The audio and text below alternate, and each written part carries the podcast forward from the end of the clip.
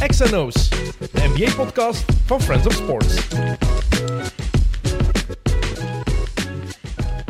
Welkom bij XNO's iedereen. De All-Star Break die komt er bijna aan in de NBA. En afgelopen nacht, het is vrijdag als we dit opnemen, afgelopen nacht zijn uh, de definitieve selecties van de All-Star teams bekend gemaakt. De starters die waren er vorige week al, net na de opname met Frederik. En daar was één heel grote verrassing. Andrew Wiggins is All-Star starter. Fucking Andrew Wiggins. Daar zit een heel verhaal achter, maar dat gaan we vertellen als we hier opnieuw zitten met de Chaotic Four. Dat is niet volgende week, maar over twee weken zitten Niels Stijl en Jokke hier terug als het allemaal goed verloopt, want je weet nooit wanneer er iemand positief test. Het kan allemaal snel gaan. Um, de starters gaan ze even overlopen, dat u ze ook weet. Uh, Wiggins in het westen met Stephen Curry, LeBron James, Nikola Jokic en Jamorant. En in het oosten zijn het Giannis Antetokounmpo, Joel Embiid, Kevin Durant, DeMar DeRozan en Trey Young. Durant en LeBron zijn de captains, omdat zij het meeste stemmen hebben gekregen. Het wordt dus Team LeBron tegen Team Durant. Zo werkt dat nog altijd in het All-Star Game.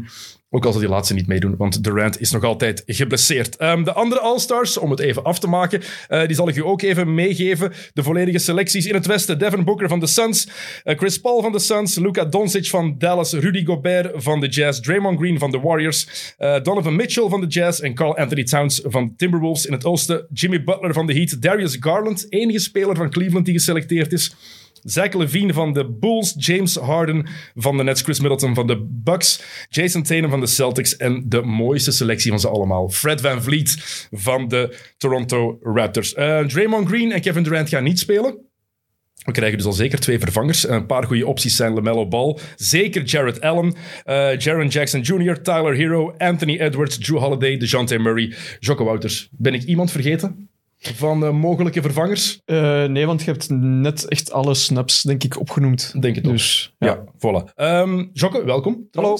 We gaan het zo meteen over de NFL hebben, over de Super Bowl en over Tom Brady. Maar ik moest even beginnen met, uh, met NBA-nieuws, vond ik Uiteraard. toch. En met WNBA-nieuws. Zijn we nu allemaal Chicago Sky-fans geworden?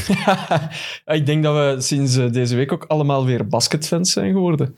Uh, want opeens is iedereen weer hyped en heeft iedereen opeens door dat er ook nog ander basket bestaat naast de Belgian Cats dan. Absoluut. Dus uh, ja, wel cool hè. Want ik zag sommige mensen ook tweeten, oh fantastisch, Emma Meesman, Anne Wouters en uh, Julie Almans samen in één ploeg. Ja, dat hebben ze... De Cats, hè, dat doen ze al, ja, doen ze al jaren samen spelen. Hè. Maar goed, um, bestel jij Chicago Sky sweaters voor ons? Of, dat kan. Of doet Sam dat? Sam. Oké, okay, Sam, ja. goed. Uh, nog een laatste NBA-ding. Vandaag zijn we exact tien jaar na het begin van Linsanity. Ah, kijk. Vond ik mooi wow. te vermelden. Ja. Kijk, Linsanity. Het blijft... Toch een mooie twee weken. Of drie. Iets langer, ja. ja. Drie, drie weken ongeveer. Wel van de meest waanzinnige periodes ooit in, ja, dat wel. in, uh, in de NBA. Goed, de orde van de dag dan. Uh, want het is weer XNO Special tijd. Niet dit weekend, maar volgend weekend is het de Super Bowl. Het grootste eendags-evenement in de sport in uh, de wereld. En ja, de Super Bowl, dan heb ik het natuurlijk over American Football. Het is de finale van het NFL-seizoen. Dat is een wedstrijd die heel veel mensen wel willen bekijken, ook als ze de NFL en het American Football niet echt volgen, al is het alleen maar voor de halftime show. Dat, zijn, uh, genoeg, dat is een, genoeg, reden genoeg, beter gezegd, voor heel veel mensen om wel af te stemmen op de Super Bowl. Uh, maar wat moet je allemaal weten? Wie is interessant om in de gaten te houden? Wat zijn de kleine dingen naast het sportieve dat je moet weten? Alles wat wij vinden dat jij in je hoofd moet hebben als je naar de Super Bowl zou kijken in de nacht van 13 op 14 februari, dus de nacht van Valentijn eigenlijk. Dat gaan wij hier vertellen. En daarvoor zit de man van de Kick and Rush podcast hier, Leroy Deltour, de grootste Washington Commanders fan van België. En de grootste en, Valentijn ooit. En de grootste oh. Valentijnman aller tijden, Leroy Deltour. Welkom. En de stem van de de NFL in Vlaanderen. En net vers uit een blik quarantaine, Jurgen Nijs. Dag Dennis. En dag Leroy. Wat een, wat een intro, man. Dat moest even overlopen worden. Ik wou er niet te veel tijd aan verspillen. Ik heb wel een paar vragen overgehouden aan uw intro. Ik weet niet of ik die mag stellen. Ja, maar... Wanneer is de All-Star Game? 10 februari. Kijk, 10 februari, net voor uh, de Super Bowl. Dus oké, okay. dus dat is volgende week. Ja, ja. ja, toch? Hè? Nu ben ik aan het twijfelen. Het is zeker 10 februari. Toch, die, ah, gaan wacht, toch, die gaan dat toch niet in hetzelfde het, weekend? Uh, het midden van de week? Uh, nee, dat kan. Dat klopt. Jokke, we zijn al direct fout. 20 februari is het. 20, uh, de, de, week erna. Ah, 20. De week ah, na perfect, want dan zitten jullie nog met de Celtic Four net op tijd Just. samen om ja. de analyse van, van, van het All-Star Weekend, allee, de voorbeschouwing te maken. Dat is de en bedoeling. Mijn, en mijn tweede vraag is, aangezien jullie sweaters van uh, Chicago Sky willen bestellen, welke kleur spelen die? Is, is, ja, dat is, zo, dat ba mooi? zo babyblauw. Wel, ik was mij dat ook aan ja. Ik was mij jullie alle twee zo'n babyblauwe sweater aan het voorstellen en ik vond dat wel een, een hoog... Dat gaat ons keigoed staan. Een hoog knuffelgehalte hebben. Ja. Dat past bij mijn ogen. Oh. Kijk, ik ben al sprakeloos. Kijk, zo beginnen we. Jurgen, hoe is het? Ben je helemaal genezen? Ik ben helemaal genezen. Eigenlijk gelukkig mag ik zeggen nooit helemaal ziek geweest. Gewoon symptomen van een lichte verkoudheid. Ik ben al zwaarder verkouden geweest dan wat ik had nu. Uh, dus houden zo, zou ik zeggen. En uh, full force op naar, naar de Super Bowl. Heel Vlaanderen in paniek, hè? En naar NFL kijken zonder u vorige week. Maar... Het heeft mij echt deugd gedaan dat er zoveel mensen persoonlijke berichtjes gestuurd hebben om mij beterschap ja. te wensen. Ja, dank u wel allemaal daarvoor. Maar ik moet ook toegeven, want ik heb ook gekeken, het was raar. Eén, de, de tweede voorlaatste match eigenlijk, eh, de op één na laatste match en de op twee na laatste match, dat je dat geen, niet extra investeert als zender. Goed, dus niet, ik wil niet bekritiseren wat Eleven doet, maar kom op, het zijn de Conference Championships. Doe er iets mee, dan moet je daar met twee zitten, vind ik. Voor een sport als de NFL, die heeft dat nodig. In de NBA, de Conference Finals ook, daar heb je ook een commentator en een co-commentator nodig. Had je dat niet van bij je thuis kunnen doen eigenlijk? Ehm, er zijn systemen waarmee dat kan, maar uh, ja, nee. Dus, Allee. ik, heb wel, ik heb wel heel, heel de wedstrijd uitgekeken. En, ja. We hebben toch wel zo'n collega die toch thuis in, in zo'n voiceboot staan heeft en die in zo'n Ja. peignoir commentaar gaat Ja. op tennis altijd. Ja, inderdaad. Vooral voor Eurosport was het Ja. inderdaad dat hij daar... Ik weet niet of ik zijn naam ga noemen. Je maar- gaat zijn naam ook niet noemen. Maar het is Nee, alleen al het idee Ah, van die hè. In peignoir commentaar geven, man. Dat is opstaan, Zo'n zijde. koffie en nu gaan Dat is toch keigoed? Ja, ja, dat is top. Dat, als dat je job niet beïnvloedt, waarom zou je dat niet Matchje doen? s'nachts, Absoluut. drank, drankje daarbij. Ik denk dat dat een win-win is voor iedereen, eigenlijk. Kijk, voilà. Maar je bent helemaal in orde. ben en je bent helemaal in orde. net op tijd terug. Ja. Gelukkig. Ja, nu eerst voor de Pro Bowl, die we dit weekend gaan doen. En gelukkig, ik zat te denken als je die namen aan het overlopen was, was ik aan het denken, gelukkig moeten we dat niet doen voor de NFL, want dat zijn er 44 per ploeg. de Pro Bowl, het All-Star Game van de Ja. NFL. En misschien wel altijd, met alle respect, de meest leme match van het hele jaar. Ik Ja. vind dat zo Ja, zwak. Ik denk over alle sporten ter wereld de ridiculste All-Star concept dat er is. Maar ook logisch, hè. Het is... Het is het is de sport waarbij dat je het makkelijkst geblesseerd raakt, denk ik ook. Als je full, full, eh, full intensity zou nu, spelen. ik zou alleen al kijken voor het nieuwe concept van de kick-off. Eh, want vorig jaar hebben de Baltimore Ravens aan de Competition Committee voorgesteld om geen kick-off meer te doen, maar dus de TOS. En dan eigenlijk eh, de winnaar mag dan kiezen, ofwel kiezen ze de positie op het veld waar ze gaan beginnen, Mhm. ofwel kiezen ze voor met de offense of de defense te beginnen. En dan is het de andere ploeg die eigenlijk mag kiezen. Eh, Dus maar- geen kick-off meer, gewoon een plaats kiezen. ja, gewoon een plaats kiezen. En eerst moet de plaats gekozen worden. Dus als het team dat de TOS wint zegt van wij kiezen de plaats, moeten zij dat eerst doen. En dan is het andere team dat kan beslissen van we beginnen met onze offense of met onze defense. Dus zeg maar iets, zij kunnen kiezen, we beginnen op de 40-yard-lijn. ja, En dan mag de andere ploeg kiezen, wij van wij, starten. ja, wij starten met onze aanval of met onze verdediging. Maar omgekeerd, als je de TOS wint, Ja. kan je ook zeggen van wij beginnen met, of ja, wij laten de plaats kiezen door de tegenstander, die dus de TOS verloren heeft. En zij moeten dan een plaats kiezen. En dan kan jij kiezen ofwel met je aanval ofwel met je verdediging. Vraagske, kun je de, de, de Pro Bowl, of hoe heet het? Pro Bowl, ja. Kun je dat spectaculair maken? Ja, Allee, want in, zijn- in een All-Star Game is natuurlijk ene achter Ja, ja, er zijn uitslagen van eh 45, eh 51 en 62, 38 en zo van die dingen. Dus dat kan. Hangt er een beetje vanaf hoeveel zin ze hebben om te spelen. Eh, en ook van de coachingstaf natuurlijk, want het zijn de coachingstaffs van de verliezende teams in de divisional playoff wedstrijden. Dus dat zijn nu Tennessee ehm, en eh, Green Bay. Als die playbook van Green Bay gebruikt wordt voor de NFC, kan dat wel leuk worden. Denk wel, pff, het is wel moeilijker dan, dan NBA All-Star Game om het spannend te houden, eh, nee, om het plezant te maken. Maar je hebt natuurlijk wel trickplays. Hè. Bijvoorbeeld plots iemand die normaal op wide receiver speelt, Ja, ja, die die plots dan- eens met een bal gaat diep Ja. gooien. Gaan ze wat meer experimenteren. Dat is bijvoorbeeld ook heel veel emotionaliteit die er komt bij kijken. Ik herinner mij zo twee teamgenoten die super lang hadden samengespeeld. De ene zat bij het ene team, de andere bij het andere. Eh, dat die dan voor ene play zo gezegd switchen van team om nog een laatste keer samen... Ja, Dus met aan Peyton dezelfde Manning was het, hè? Ja, dat was Ja. Peyton Manning. Zo de man die altijd de bal aan Peyton Manning, een van de grootste Jeff, quarterbacks, Jeff Saturday, de ja, center. die mocht dan switchen van team en een keer de bal doorgeven. Dus het is meer... Het is, het is, doe mij meer aan WCW, hebben denk voor- ik misschien dan aan... Ze hebben vooral allemaal, allemaal randactiviteiten om het interessant te maken. Ja. Bijvoorbeeld, er is ook een dodgeball-wedstrijd. Echt trefbal. Kijk, Ja, ja, die was dat vannacht, vind ik tof. Ja, Ja, Die was ook dat is leuker dan die match Ja, zelf. Dat is ja. leuker dan de match zelf. Match. Ben Stiller. Maar ik denk dat voor, voor kinderen... Cobras. Ik denk dat het voor kinderen wel fantastisch is om al die sterren van die verschillende teams wel samen te zien en, en dan inderdaad in, in die ludiekere... Maar het is geen, eh, het is geen referentie. Doe de voor Tom wat Brady NFL mee. is. Nee, die was geselecteerd voor de vijftiende keer waarmee hij recordhouder geworden is. Maar met, dat hij deze week ja, zijn, eh, zijn schoenen aan de haak gehangen heeft, om dat zo mooi te zeggen, wordt hij vervangen eh, door Door wie wordt hij vervangen? Ik even Goeie vraag. Russell Wilson, denk ik. Ja, Russell Wilson. Want je zegt het al, er Ja. was deze week nog groter nieuws dan de Super Bowl die er aankomt. Ja. Eh, want we kunnen Als ik meteen... nog even mag, Dennis. Je mag. Alle links naar alle special kills eh, oefeningen en de dodgeball, die vind je trouwens terug op de 11 Sports NFL Facebookgroep. Dus daar Ja, moet je maar onder... al eh, lang zijn we ja. bezig? Die is er al met reclame, hè? Ja, ja. In de heilige 23 23e minuten. minuutje. Kijk. De heilige Altijd, 23e altijd, minuut. altijd, altijd. Eh, er was deze week dus nog groter nieuws dan de Super Bowl die eraan komt, want de grootste quarterback aller tijden, die eh, gaat officieel op pensioen. Tom Brady, die stopt ermee op zijn 44ste na 22 seizoenen in de NFL. Het is eindelijk gebeurd, hè. Tom Brady is geen NFL-speler meer. Ehm, het gaat de eerste keer zijn voor mij dat ik deze sport volg zonder dat Tom Brady er is. Ja, voor mij ook. Ja? Ik was mij- tien voor toen die of zo. Oei, ik voel mij oud voor mij. Dus ja, niet. maar ik ben pas echt beginnen volgen in 2004. Ben ik het pas echt, echt beginnen Ja. volgen? Ja, dan was die mens al in zijn, in zijn vierde jaar. Ja, en in zijn prime En ook. dat hij al twee Super Bowls, of drie Super Bowls gewonnen. Eh, Ja. Drie. Drie? Eén, drie. 2001, 2003 en 2004. Ja. Hij heeft zich voorbereid hè, vandaag. Ja, Heeft het ja. Dat, dat, dat, wist, dat wist ik ook. Dus Maar, ik was even aan het denken, 2004, wanneer Ja. is hij beginnen volgen? Na de Super Bowl of voor de Super Bowl? Ja. Ja. Maar het, is, ja, het zat eraan te komen ergens. Hè. Al moeten we ook eerlijk zeggen, hij was, is 44 jaar, maar hij moest nog niet op pensioen. Het is niet dat hij al versleten was. Nee, wat dit seizoen leider in het eh, meeste passing yards, leider in meeste touchdowns, nieuw record bij de Buccaneers. Buccaneers voor de eerste keer sinds 2007 divisiekampioen geworden, voor het eerst in 13 wedstrijden gewonnen in een seizoen. Ehm, en als je ziet hoe hij terugkomt in de divisional playoff wedstrijd tegen de Rams. De match waar ze uitgeschakeld Ja, worden. 27-3 stonden ze achter. Het wordt wel 27-27 met nog wat 40 seconden te spelen. Maar dan doet die defensive coordinator, die doet daar...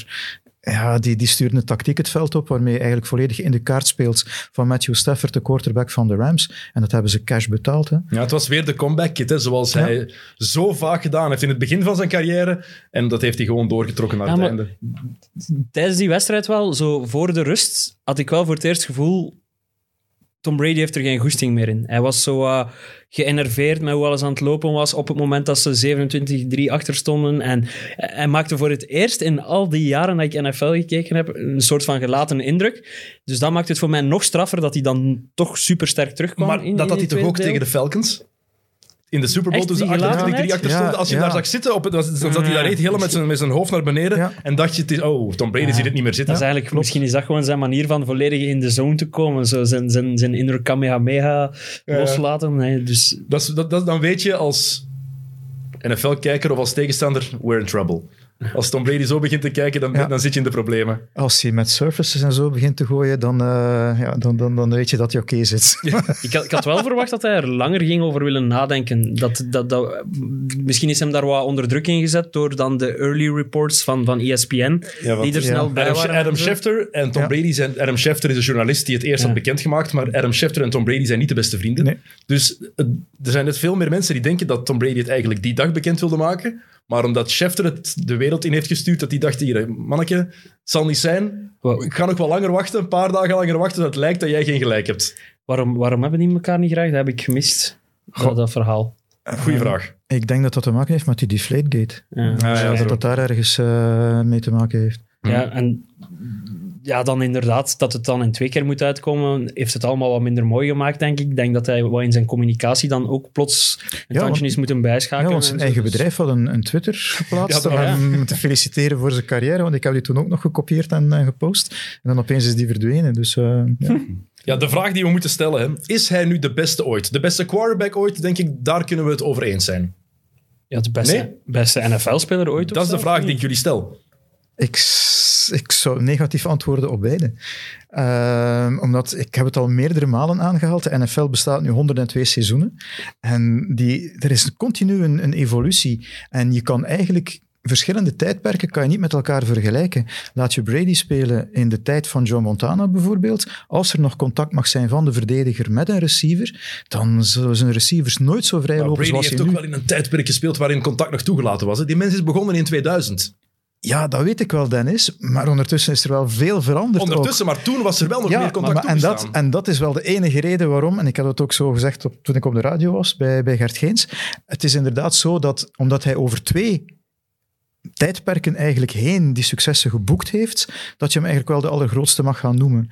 Maar om ze echt te gaan vergelijken, om de, om de grootste speler in de NFL ooit te noemen, dat zou ik echt Maar dat is, niet doen. dat is toch altijd een beetje het argument bij discussies over de GOAT. Dat heb je toch in voetbal ook van... Ja. Ja. je kunt geen spitsen vergelijken Ja, met is, is je Jerry, is Rice dan niet de GOAT? Die droeg de titel voor Brady er gekomen Want dat is. zijn inderdaad de namen die Ja, ik opgeschreven had van waar je over kan discussiëren dan. Want quarterback, in mijn ogen is dat wel zo. Tien keer de Super Bowl gehaald, zeven keer gewonnen. Waaronder met ja, de prestaties die Ja, ja. hij heeft geleverd om die Super Bowl te halen en te winnen, zijn waanzinnig. Maar de andere namen buiten Brady, andere vier die ik had opgeschreven: Jerry Rice, Barry Sanders, Lawrence Taylor en Deion Sanders. eh, Vijf verschillende posities ook. Ja, Jerry Rice zeker. Want die heeft nog alle records van wide receivers. En die heeft dus echt wel gespeeld in de tijd dat ze mocht eh, ja, gemolesteerd worden op het veld door een verdediger, bij manier van spreken. Eh, Barry Sanders, die had het kunnen zijn, maar die is gestopt. Uit respect voor Walter Payton, omdat hij dat rushing record niet wilde verbeteren. En ook omdat het bij de Detroit Lions in die tijd al even slecht ging als het nu ging. Lawrence Taylor als verdediger is het altijd moeilijker natuurlijk. Maar dat was nu eenmaal een kracht die eigenlijk een wedstrijd kon beïnvloeden en ook naar zijn hand kon zetten. Want Lawrence Taylor weg bij de New York Giants en volgens mij winnen ze ook geen, geen Super Bowls. Dat is volledig op hem gekracht, eh, gest- gestoeld eigenlijk. En dan Dion Sanders. Oké, ja, er zijn er niet veel die baseball en American football spelen, alle twee op een hoog niveau. En die op die manier ook met twee teams in de Super Bowl geraken. Eh, maar inderdaad ook weer een, een, ja, een andere positie. Maar daar moet je eigenlijk al gaan kijken van, is hij wel de grootste op zijn positie als defensive back? Eh, want daar bestaat ook wat discussie over. Ehm, het is ook een teamsport. Dat maakt het ook moeilijk om, om een, een go te kiezen. Ik vind dat dan makkelijker in de NBA, omdat je met, met vijf op het veld staat en dat die posities misschien ook iets meer op, op elkaar gelijken dan in NFL, waar dat je echt volledig verschillende rollen hebt. Maar wat voor mij, ehm, op zich, ik, ik beschouw quarterback als misschien wel in, in teamsporten dan als de allerbelangrijkste positie, individuele positie aan zich. Waardoor ik denk dat als je wilt gaan kijken naar de grootste speler in die sport, dat je sowieso naar een quarterback moet gaan kijken. En als je dan kijkt, Tom Brady heeft op zijn, op zijn eentje, is niet de juiste uitdrukking, maar heeft in zijn carrière meer Super Bowls gewonnen dan eender welk team apart. En we hebben nu ook weer gezien in deze playoffs, we hadden verwacht dat Mahomes weer tot in de finale ging raken. Dat hadden we, hadden we destijds ook van Rodgers verwacht, dat hij de finales en de Super Bowls aan elkaar ging rijgen. Dat hadden we van Peyton Manning destijds ook verwacht, dat hij eh, dynasties ging neerzetten. Maar die zijn daar allemaal niet in geslaagd, net omdat de aard van de NFL is, je moogt geen misstappen maken. Je hebt maar één wedstrijd in de playoffs. En dat maakt voor mij van Tom Brady de grootste. Die heeft, allee, hoeveel heeft, Manning heeft er twee en ene was ondanks hem, denk ik. Exact. Eh, Rodgers heeft er ene, Mahomes heeft er ene op drie, dus Mahomes kunnen we eigenlijk nog niet meenemen in dit gesprek, maar is nu wel weer eigenlijk gefaald in zijn missie. Dat maakt voor mij van Tom Brady, en dat is ook, ik wil daarmee niks afdoen van zijn ploeggenoten, hè, maar Nee. hij is wel de centrale figuur daar Ja, altijd in En het belang van de quarterback is ook groter geworden. Trent Dilfer heeft een Super Bowl Ja, gewonnen. Joe Flacco, ja. Joe Flacco heeft een Super Bowl gewon- gewonnen, maar het belang van, de super, van een quarterback wordt groter en groter en groter. En dat zegt veel als je dat dan...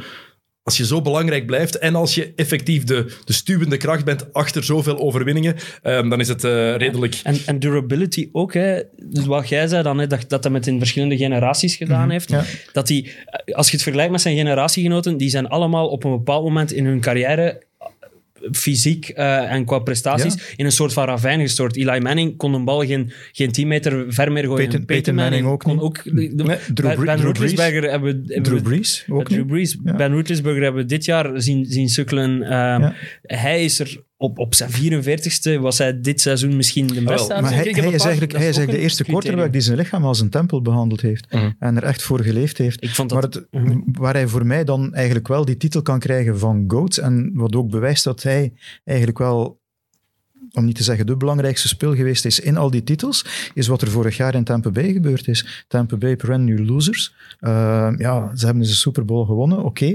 Dat was meer dankzij wat Tony Dungy als headcoach gedaan had dan met hun headcoach en omdat het systeem zo goed werkte. Maar vorig jaar komt hij bij die ploeg. Mag niet vergeten, door corona geen pre-season. Hebben elkaar eigenlijk leren kennen tijdens het seizoen op het veld. Maar heeft heel die ploeg eigenlijk meegetrokken. Heeft heel die ploeg laten naar een niveau hoger gaan, waardoor ze die Super Bowl gewonnen hebben. Brady daar weg. En de Buccaneers halen vor- vorig jaar waarschijnlijk niet eens de Het playoffs. is ook, het is ook die, die X-factor waar je op doelt, van zit plots Tom Brady zit plots in uw kleedkamer Mhm. en je, je denkt van, oké, maakt niet uit wie wij tegenkomen, wij zijn de favoriet. Ja. dat Ja. draagt ook bij aan... aan En ik aan mag de hem niet zijn. teleurstellen. Ook al. Ja, en het, het blijft, wat er nog bij komt, de narrative. hè. Het is het strafste verhaal als 199ste gedraft in Ja. de zesde ronde. Krijgt één kans bij de Patriots destijds omdat de, de franchise quarterback geblesseerd raakt en geeft die plek nooit meer af. Eh, ik heb heel wat straffe feitjes opge, s- opgelijst om maar aan te tonen hoe straf het is wat Brady allemaal gedaan heeft eigenlijk. Dus Brady is een starter geworden twee weken na 9-11. Beeld je dat even in. Beeld je dat even in. Twee weken na, na 9-11 is die starter geworden. Dat vond ik al het Dat is strafste. 2001 is dat, hè? Ja. Net, voor hij, net voor hij in de NFL speelde, was LeBron een eerstejaarsspeler in high school. LeBron James. Die ook al 100 jaar lijkt mee te gaan. Toen zat hij nog in high school. Was Mac Jones, de quarterback van de Patriots nu, één jaar Ah, oud. één jaar, ja. De iPod was nog niet uitgevonden. De iPod was er nog niet. Ik had mijn plechtige communie nog niet gedaan. Kijk, de nummer 1 hit in de VS was Maria Maria van Carlos Santana. En in België was dat Fallin van Alicia Keys. Wauw, schijf. Fallen was toen de nummer 1 hit. Zo lang geleden is het al. De eerste Harry Potter film was nog niet uitgekomen. Fuck. En die hebben ondertussen een reunion Ja. gehad. De PlayStation 2 was net gereleased. Wow. PlayStation 2. Met de geweldige Tony Hawk spel- spelletjes. Wow, wow, wow. Ehm, de Dallas Cowboys zijn opgericht in 1960. Tom Brady is starter geworden in 2001. Tot op vandaag hebben de Cowboys en Tom Brady exact evenveel playoff matchen gewonnen. 35. 147 passing touchdowns in zijn twintiger jaren, 168 na zijn 40ste. Het is de eerste speler om een titel te winnen in drie verschillende decennia. Eerste quarterback om een Super Bowl te starten en te winnen in beide conferences. Meeste overwinningen in het reguliere seizoen, playoffs en de Super Bowl meer dan welke speler ooit. Gestart in 24 Super Bowls of Conference Championship Games zijn er meer dan twee keer zoveel als de volgende op de lijst, want Montana en Elway hebben er elk elf. Meer Super Bowl overwinningen dan welke club Ja. ook. Dus niet welke speler, welke club. Mij hebt je overtuigd. 469 dagen in de playoffs gezeten als speler. 34 overwinningen. De volgende op de lijst heeft er 16. En heeft 49% van zijn leven als NFL-speler geleefd. Vorige draft werd 8292 dagen tussen zijn draft en zijn pensioen 7961 dagen. Het is belachelijk. Ja, dat zou we uitverteld zijn. Ja, nog één, nog één dingetje over de quarterbacks. Dus heel wat grote namen. Hè. Aantal overwinningen van quarterbacks met, met playoffs bij. Drew Brees, grote naam, 181. Rutlisberger, 178. Elway, 162. Marino, 155. Rodgers, 150. Montana, 133. Brady heeft 193 matchen meer gewonnen dan hij verloren heeft. Dus Brees had er, heeft er 181 gewonnen. Gewonnen? Brady heeft er 193 meer gewonnen dan verloren. Die heeft 278 matchen gewonnen in zijn carrière. Even heel veel feitjes, veel cijfers, maar wauw. Je kan toch alleen maar... Het is toch Je wordt er stil van, hè? onwaarschijnlijk, toch? Ja. Maar en, ja, zeker in, in zo'n sport die, die, dat, over al die generaties, waar dat er zoveel impact-hits zijn, waar dat er zo, zo'n harde sport is, waar dat uiteraard niet op quarterback, maar waar dat de gemiddelde carrières denk ik drie, vier jaar zijn voor de rest. Ehm, ja, nee, zoals Jurgen zegt, je wordt er stil van. Je, je, je hebt er nog weinig aan toe te voegen als je het, je het lijstje... Tom Brady heeft zijn debuut gemaakt en heeft een Super Bowl gewonnen voor Zinedine Zidane, die goal heeft gemaakt in de Champions League finale tegen Leverkusen. Leverkusen. ja, bon. Het is- En, eh, Het is, ja. Het is toch niet normaal?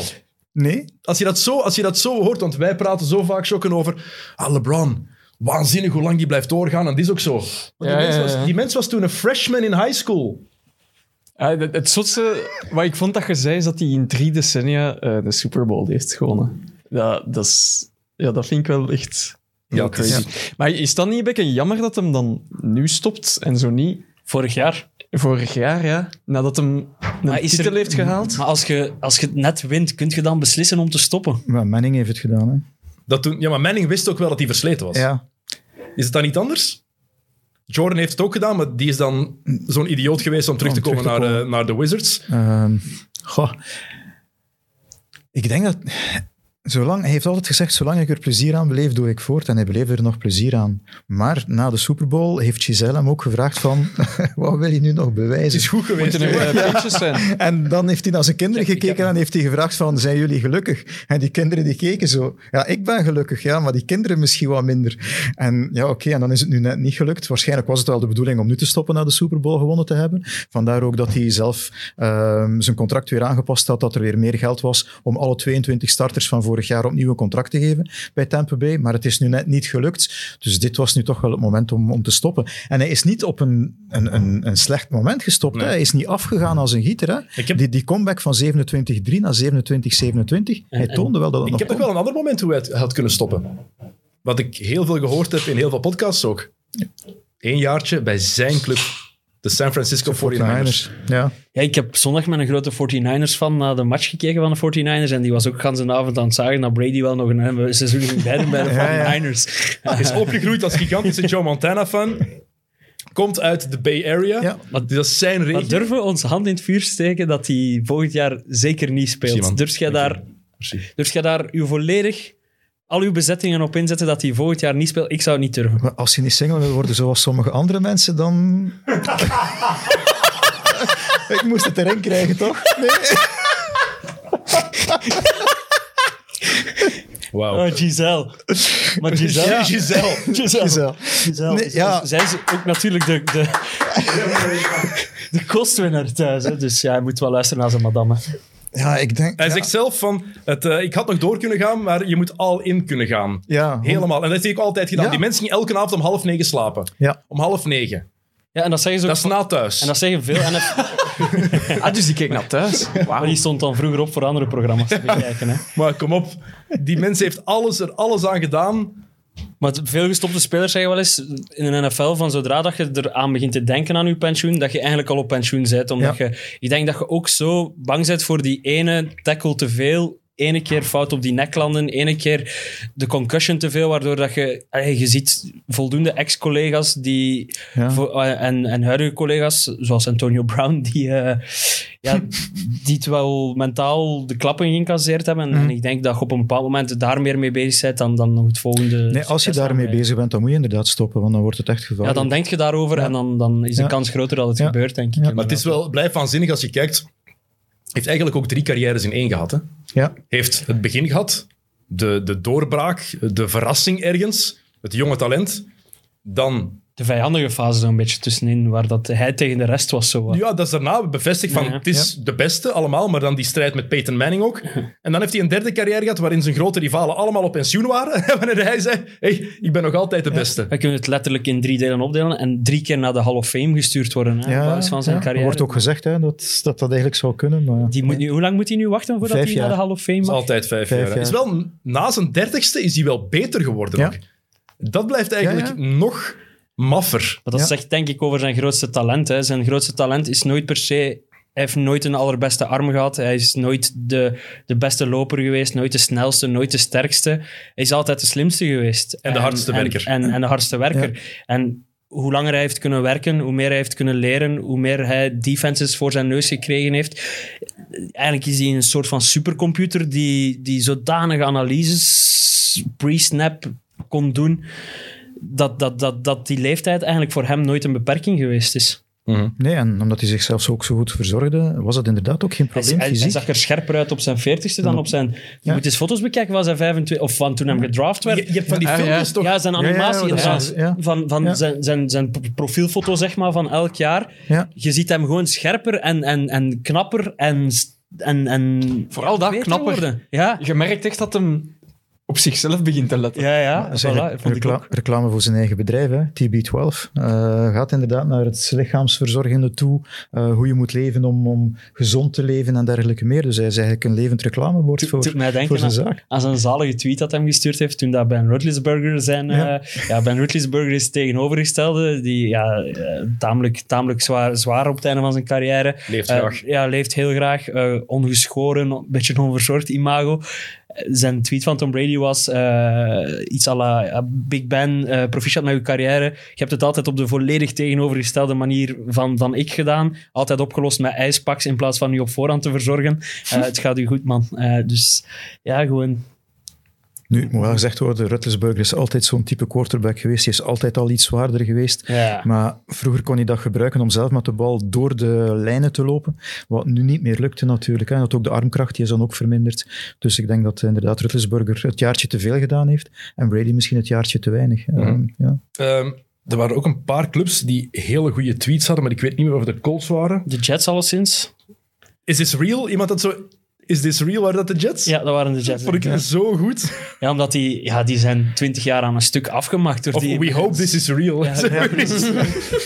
Of uh, I bet, uh, ja, the, the, we are not going to miss you, but the whole football world will miss you. Ja. Allemaal zo'n tweets, dus dat is Ja. wel... eh Wie is nu de oudste quarterback in de NFL? Fitzmagic, hè? Ja.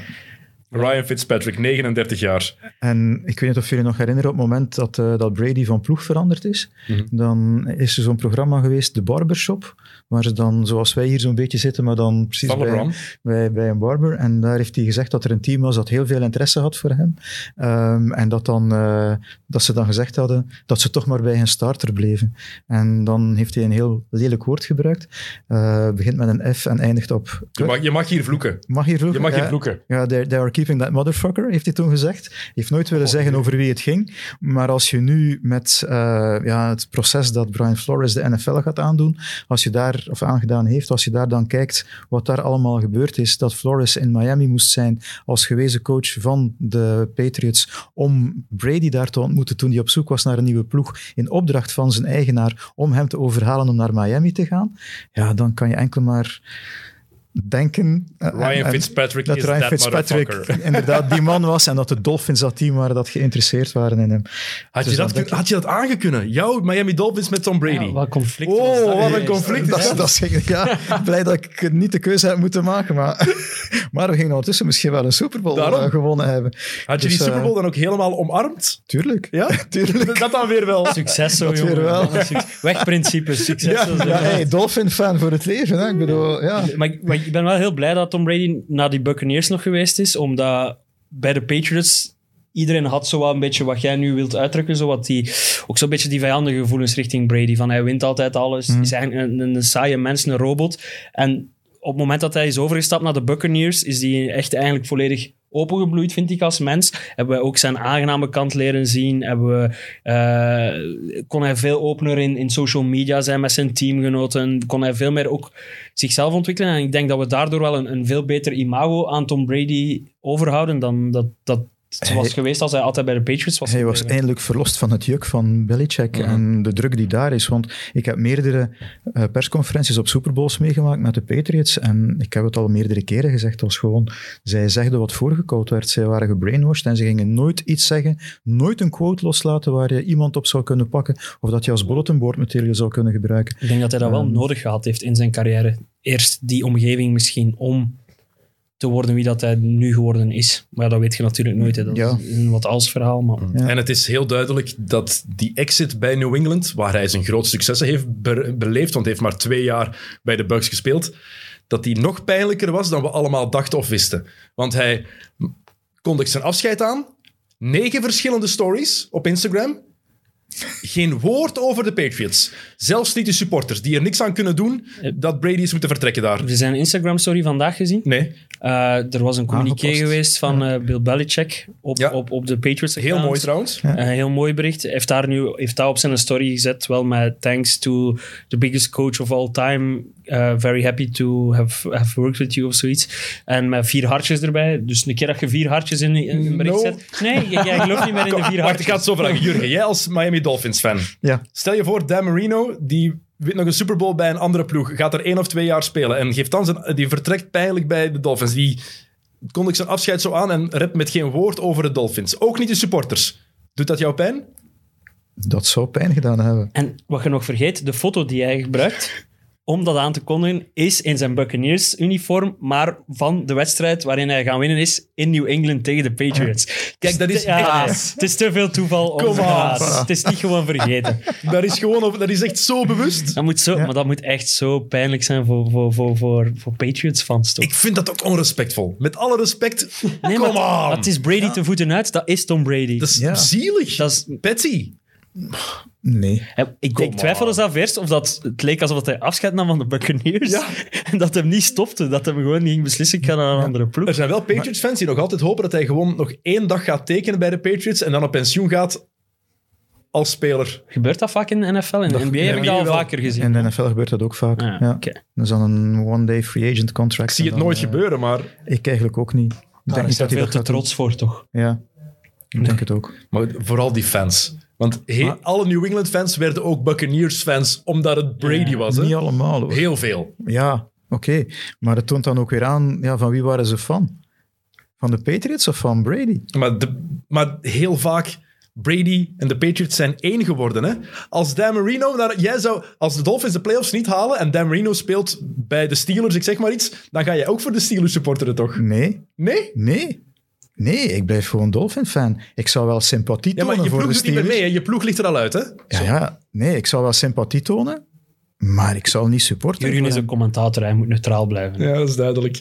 Dat wordt mij soms Mocht jij wel- commentaar dat- geven dat- op matchen van de wel- Dolphins? Dat, dat wordt mij soms wel, eh, wel aangevreven dat ik dat niet ben, maar Mocht jij commentaar geven op matchen van de Dolphins? Tuurlijk. Oké. Je bent, veel mensen onderschatten dat. Commentatoren en journalisten die fans zijn van Zijn een ploeg, zijn het strenger Ja. voor hun eigen ploeg. Maar ik- Altijd. Ik, ben ook heel kritisch geweest als de Dolphins verloren hebben van Jacksonville op Wembley. Hè. Eh, en Tottenham, sorry. terecht. Ja, toen, heb ik, toen heb ik daar ook Brian Flores zitten vragen van... Waar is hij eigenlijk aan aan het denken? Die time-out die hij niet genomen heeft. Time-out die hij dan wel neemt. Een challenge die hij doet. Dat je denkt van... Waarom doet hij dat nu? En dat je dan... Ja... het- ja je mag kritisch zijn, hè? ook Eh, voor je eigen ploeg. Laatste momentje, laatste eh, stukje Brady. Wat zijn jullie topmomenten van Tom Brady? Jurgen zegt nu niet de twee Giants Super Bowls. Hè? Zeg niet de Nee, twee nee. Super Bowls die hij verliest tegen de Wel een Giants. moment voor, de, voor Super Bowl 42, wel een momentje. Het heeft eigenlijk weinig met de wedstrijd te maken. Maar dat was dus die Super Bowl waar Andy Moss ook nog eh, deel uitmaakte van, van de Patriots. En we waren op die persconferentie. En er was iemand die, ik dacht, 70.000 dollar betaald had voor een ticket Ja, om de wedstrijd te kunnen bijwonen. Dat was dan ook wel, het was in een loge en er zat ook nog een vissenstripje bij en zo. Maar belachelijk veel geld. Hè? Hoe Amerikaans Ja, kunt je maar dus Randy Moss vertelde dat. En dan ging ik naar, eh, dus naar de, de pupitre waar Mike Vrabel toen zat, want die speelde toen nog linebacker voor, eh, voor de Patriots, nu headcoach van de Tennessee Titans. En ik stelde hem die vraag van, Mike, eh, ik hoorde net dat er iemand 70.000 dollar betaald heeft om eh, de wedstrijd te komen bekijken. Waarop hij zo kijkt, wat? 70.000 dollar? Echt? Ik zou geen 70.000 dollar betalen om Tom en Giselle te zien spelen. en dat is dan in de Boston Globe ook verschenen. Dus die krant ligt nog bij mij thuis. Jammer genoeg staat er niet bij wie de vraag gesteld heeft. Maar Mike ja. Je, je weet het. maar Dat ik weet het, Dat is ja. Vrabel die zijn penis ging afsnijden als eh, de Super Bowl wonnen. Ja, of zo. ja, ja, dat is ook... Ja, ik heb dat hier ook al eens verteld in een van Ja. vorige en jullie Ja. geloofden mij dan niet. Ik heb, dat thu- ik heb dat dan thuis opgezocht en ik had wel Ja. echt gelijk dat hem echt... Maar dat is, dat is Vrabel. hij ze- eh, ja. Twee jaar terug met de draft zaten de coaches thuis. En bij de Titans, als je nog eens die beelden kan terugbekijken, zie je iemand op het toilet zitten terwijl hij de keuze aan het maken is. een van zijn zoons. Ja. Wat een humor. Ja, inderdaad. Here's why everyone is talking about Mike Vrabel's penis. Voilà. why Mike Vrabel's penis is on the line if the Titans reach the Super Bowl. Zie, niet gelogen. ja. Dus ja, maar dat was toen zijn reactie. Goede Dus reden om te verliezen. Ja. Ja. Dus dat is dan eigenlijk een, ja, dat is het moment dat mij dan ook altijd bijblijft. Bij En een sportief moment, heb je daar ook in die Sportief moment, wel de laatste Super Bowl die ik van ter plaatse gedaan heb, was Super Bowl 51, de 28-3 Heb je die eh, remonte. gedaan? Tegen de ik ter plaatse Falcons. gedaan tegen de Falcons. Ja. En je voelde gewoon de sfeer, de- in dat stadion, dat kantelde helemaal. Want er zaten ook Patriot-fans voor ons en die zaten continu. En naarmate die wedstrijd dan verder ging, zag je eigenlijk hoe die mensen, ja, we zagen eigenlijk niks meer, want ze stonden voor ons. Ja. Eh, hoe, hoe de sfeer en, en, en de dingen in dat stadion helemaal kantelden. Dat was echt eh, een ongelooflijk moment. En dan als die Super Bowl, als die, die Super Bowl dan gewonnen wordt door die touchdown in, in de verlenging, dan, dan echt dat stadion dat ontplofte aan die ene kant. Dat was echt... Ik denk Ja. dat dat zelf in mijn top 5 matchen van alle sporten to koers staat die ik, Ja. die ik ooit gezien heb, denk ik. Ja. Dus dat was ook een van mijn drie momenten. Ik weet dat, eh, comeback. Ik was toen die avond af en toe met Tim Wieland aan het, aan het sturen. En die is aan de rust gaan slapen. Oh. Ah. Die is die match, ik weet dat hij daarna nog stuurde van... Ik had, deze, ik had Maar dat is- nooit, mogen, ik was, nooit mogen gaan slapen. Maar dat is onervarenheid in de sport, denk Ja. ik. Want we, we hebben dat nu ook in deze playoffs al vaak gezien, dat je eigenlijk dacht van, ik kan hier aan de rust gaan slapen. Ja. Eh, maar dat er toch nog straffe comebacks gekomen zijn. Dus Mhm. dat mogen we wel niet onderschatten. Dus dat is al een goede tip voor de mensen van zondag. Ga zeker niet gaan slapen aan de rust. Het kan ook teleurstellend zijn. Ja, ja, ik maar- denk aan ja. Seahawks Broncos. Het kan Maar teleurstellend je wilt zijn. het gewoon niet riskeren dat je het vetste ooit Of mee Rams Patriots. Ja. Voor mensen die van defense hielden, was dat eigenlijk een heel mooie wedstrijd. Maar mensen die graag punten zien scoren, was dat Voor neutrale sportliefhebbers die de NFL niet op Nee. de voet volgen, is dat niet ideaal. Achteraf bekeken, wat is er erger? Een twee uur te weinig geslapen hebben en, en een kutmatch gezien hebben? Of op tijd in bed gekropen zijn en geschiedenis gemist hebben? Allee, als je Ja. die twee tegen elkaar af, Absoluut. afweegt. Heb jij een moment, Leroy, dat er voor jou... Ja, dus dat, ik had dat Wat ook moment nog in die wedstrijd was, als ik even mag, en dat is ook een moment op dat het stadion ontplofte, dat was die catch van, van Edelman. Edelman. Ja, wel, dat was mijn dat die moment. bal net de grond niet raakte. Dus, Dat was eh, straf. Oei, sorry. Nee, geen probleem. Eh, voor mij... Maar dat is, dat is het meer het Edelman-moment ja, dan, dan, want eigenlijk is dat een slechte throw van hem. eigenlijk. Ja. Ik heb die nog eens bekeken vandaag ook. Dat is de Ja. catch, want Edelman die zit daar tussen drie verdedigers. Ja, die moet je echt eens opzoeken. Ja. Ja. En vooral, die vangt even die bal, die ziet dat hij op een been terecht gaat komen, die lost die bal en vangt hem onder dat been terug opnieuw op. eigenlijk. Net Ja. voordat hij Ja. de grond raakt, want als die bal de grond heeft echt- geraakt, dan is het geen catch het meer. geen En dan meer. is het, dus Dus dat gewoon- is waanzinnig. Even googlen, eh, Edelman, Super Bowl catch. Eh, Ja. veel, veel cooler gaat het niet zien. Ik had als momentje, omdat voor mij dat symbool staat voor waar, van wat ik daarnet vertelde, van Tom Brady bij de Buccaneers die een andere mens werd, is de, het moment dat hij super wasted was na, Ja, na, ja. na de dingen. Ja, op na- die boot. na de Super Bowl overwinning. Op die boot, dat hij daar... op het moment dat hij met de Lombardi-trofee, die daar mooi achter u staat. Dennis, op het moment dat hij dat van de ene boot naar de andere... ik, dat- heb dat filmpje tien keer bekeken en ik heb tien keer echt de slappe lach gehad, omdat dat, dat, omdat dat zo het contrast is met een Brady van vijf, zes jaar eerder, dat hij gewoon denkt van, fuck it, ik ben de grootste maar je aller hoort die dokter ook roepen op dat. No, daddy, no! En, en, en eh, die, die, dude- die, die dude die dat moet vangen, moet toch de grootste stress van zijn leven gehad hebben om dat Maar te het was, vangen? Het was Gronkowski. Ja, maar die, Ah, ja, ja, het was maar gewoon- die- je kunt daar iemand zijn schedel mee breken. Ja, Allee, dat is n- ja. geen licht trofeetje. Hè? Nee, nee, nee. En dat dan, dan later op de dag dat zijn, zijn reserve quarterback zijn, hem op, onder de armen moet nemen, zodat hem niet... Als ze terug aan wal Gewoon komen. Zien van de GOAT is ook gewoon een mens als, als, dat, we- dat, dat, als dat, dat wij zijn. Dat, dat is voor mij het grote verschil met Tom Brady vijf jaar eerder en hoe ik nu tegenover Tom Brady sta. Vandaar eh, heb ik eh, dat momentje gekozen. En hij kon ook voor een keer de Super Bowl vieren in lekker weer in plaats van in het koude Boston. Ja, dat is Gaat ook helpen, hè? absoluut. Geloof mij. Goed, eh, we gaan het over de Super Bowl hebben, maar eh, voor we het over de Super Bowl gaan hebben, ga ik een teltje doen. Oké, dat is goed. Eh, PC. ik, heb, ik heb wat kijkersvragen. Ah, kijk, Zo'n beetje algemene. top. Dus dan kunnen we daar al... gaat eh, gaan doen. Is dat een tattoo zetten op je rechterdij? Dan kunnen we het daar al over hebben. Ehm van waar de naam Super Bowl? Vraagt Thomas. Oh, daarvoor ga ik naar Jurgen kijken. Ehm, wel, eigenlijk in het begin was het de AFL NFL Championship. Zo was het de eerste drie jaar eigenlijk. Maar Lamar Hunt, ehm, die dus mee voor dat samensmelten tussen de AFL en de NFL gezorgd heeft, want dat waren eigenlijk twee concurrerende eh voetballeagues eigenlijk. Ja. Eh, die zijn dus samengegaan in 67. De eerste Super Bowl is dan gespeeld. En dan in 1970 zijn ze echt samengegaan. En dan eh, dacht hij van, ja, we moeten daar toch iets een andere naam aan geven. En zijn dochtertje speelde met zo'n een, een botsbal. En dat was een Super Bowl, maar B-A-L-L geschreven. En dan in navolging van alle college bowl games, de Sun Bowl, de Rose Bowl, heeft hij dan eigenlijk gewoon gedacht van, we maken er gewoon de Super Bowl van met eh, B-O-W-L geschreven. Wat en een vandaar komt deze verhaal. Ja, Maar bon, het is niet wel meer goed, dan dat. Het klinkt wel goed. Dus. Ja. Ja, inderdaad. Eh, wacht ze. Eh, Ah ja, ik heb nog een toffe, maar dat ga ik vragen als Dennis erbij is. Eh. We zullen het al hebben over de wedstrijd. Wat voor soort wedstrijd verwachten jullie? Goh. Dat is een ruime vraag, hè. Ja, eh, maar misschien, ja, Ik verwacht spektakel. Ik verwacht hoge scores. ja. eh, omdat het zo zal moeten voor de Bengals. Omdat ze anders niet kunnen winnen. Dus ik verwacht open, spektakel en veel punten. Ik denk ook dat er veel punten zullen gescoord worden, zeker door de Bengals, omdat ze inderdaad zullen moeten. Maar de vraag zal natuurlijk zijn van, zullen ze erin slagen? Omdat met die offensive line, waarvan al zoveel gezegd is dat die niet zo goed is. Kijk naar de divisional playoff wedstrijd tegen de Titans, waar, eh, waar Burrow negen keer gesackt werd.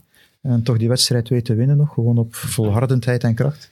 Maar ik denk dat er veel zal afhangen van hoe de Bengals starten. Als die snel op achterstand komen, een grote achterstand, Alhoewel, mag ik niet zeggen, want ze kwamen 21-3 achter tegen, tegen de Chiefs. En met een verdediging die op dat moment eigenlijk gewoon aan het verdrinken was. Ze konden niks.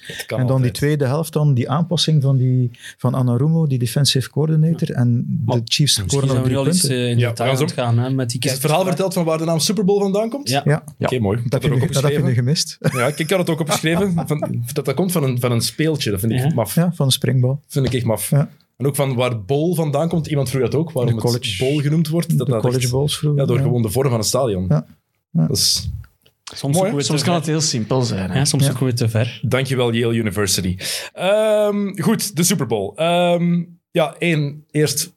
Wat een playoffs al, want wij hebben naar elkaar te sturen, Leroy, van hoe teleurstellend het was. Het En eerste dan, weekend, ja. ja, en dan komen er zes matchen op een rij die beslist worden met Ja. drie punten of... Nu, ik heb Leroy al even terecht gewezen wat dat eerste weekend betreft.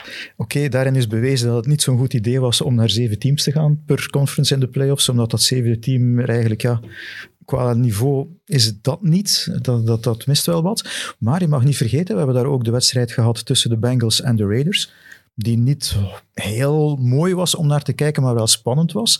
We hebben ook de wedstrijd gehad eh, tussen de 49ers en de Dallas Cowboys, die toch ook wel goed was. Dus ja, twee van de zes waren wel goed. Akkoord, teleurstellend. De andere, daar zijn een paar blowouts bij Ik geweest. zou zeggen één van de zes, want spannend maakt niet uit als het geen goede match is.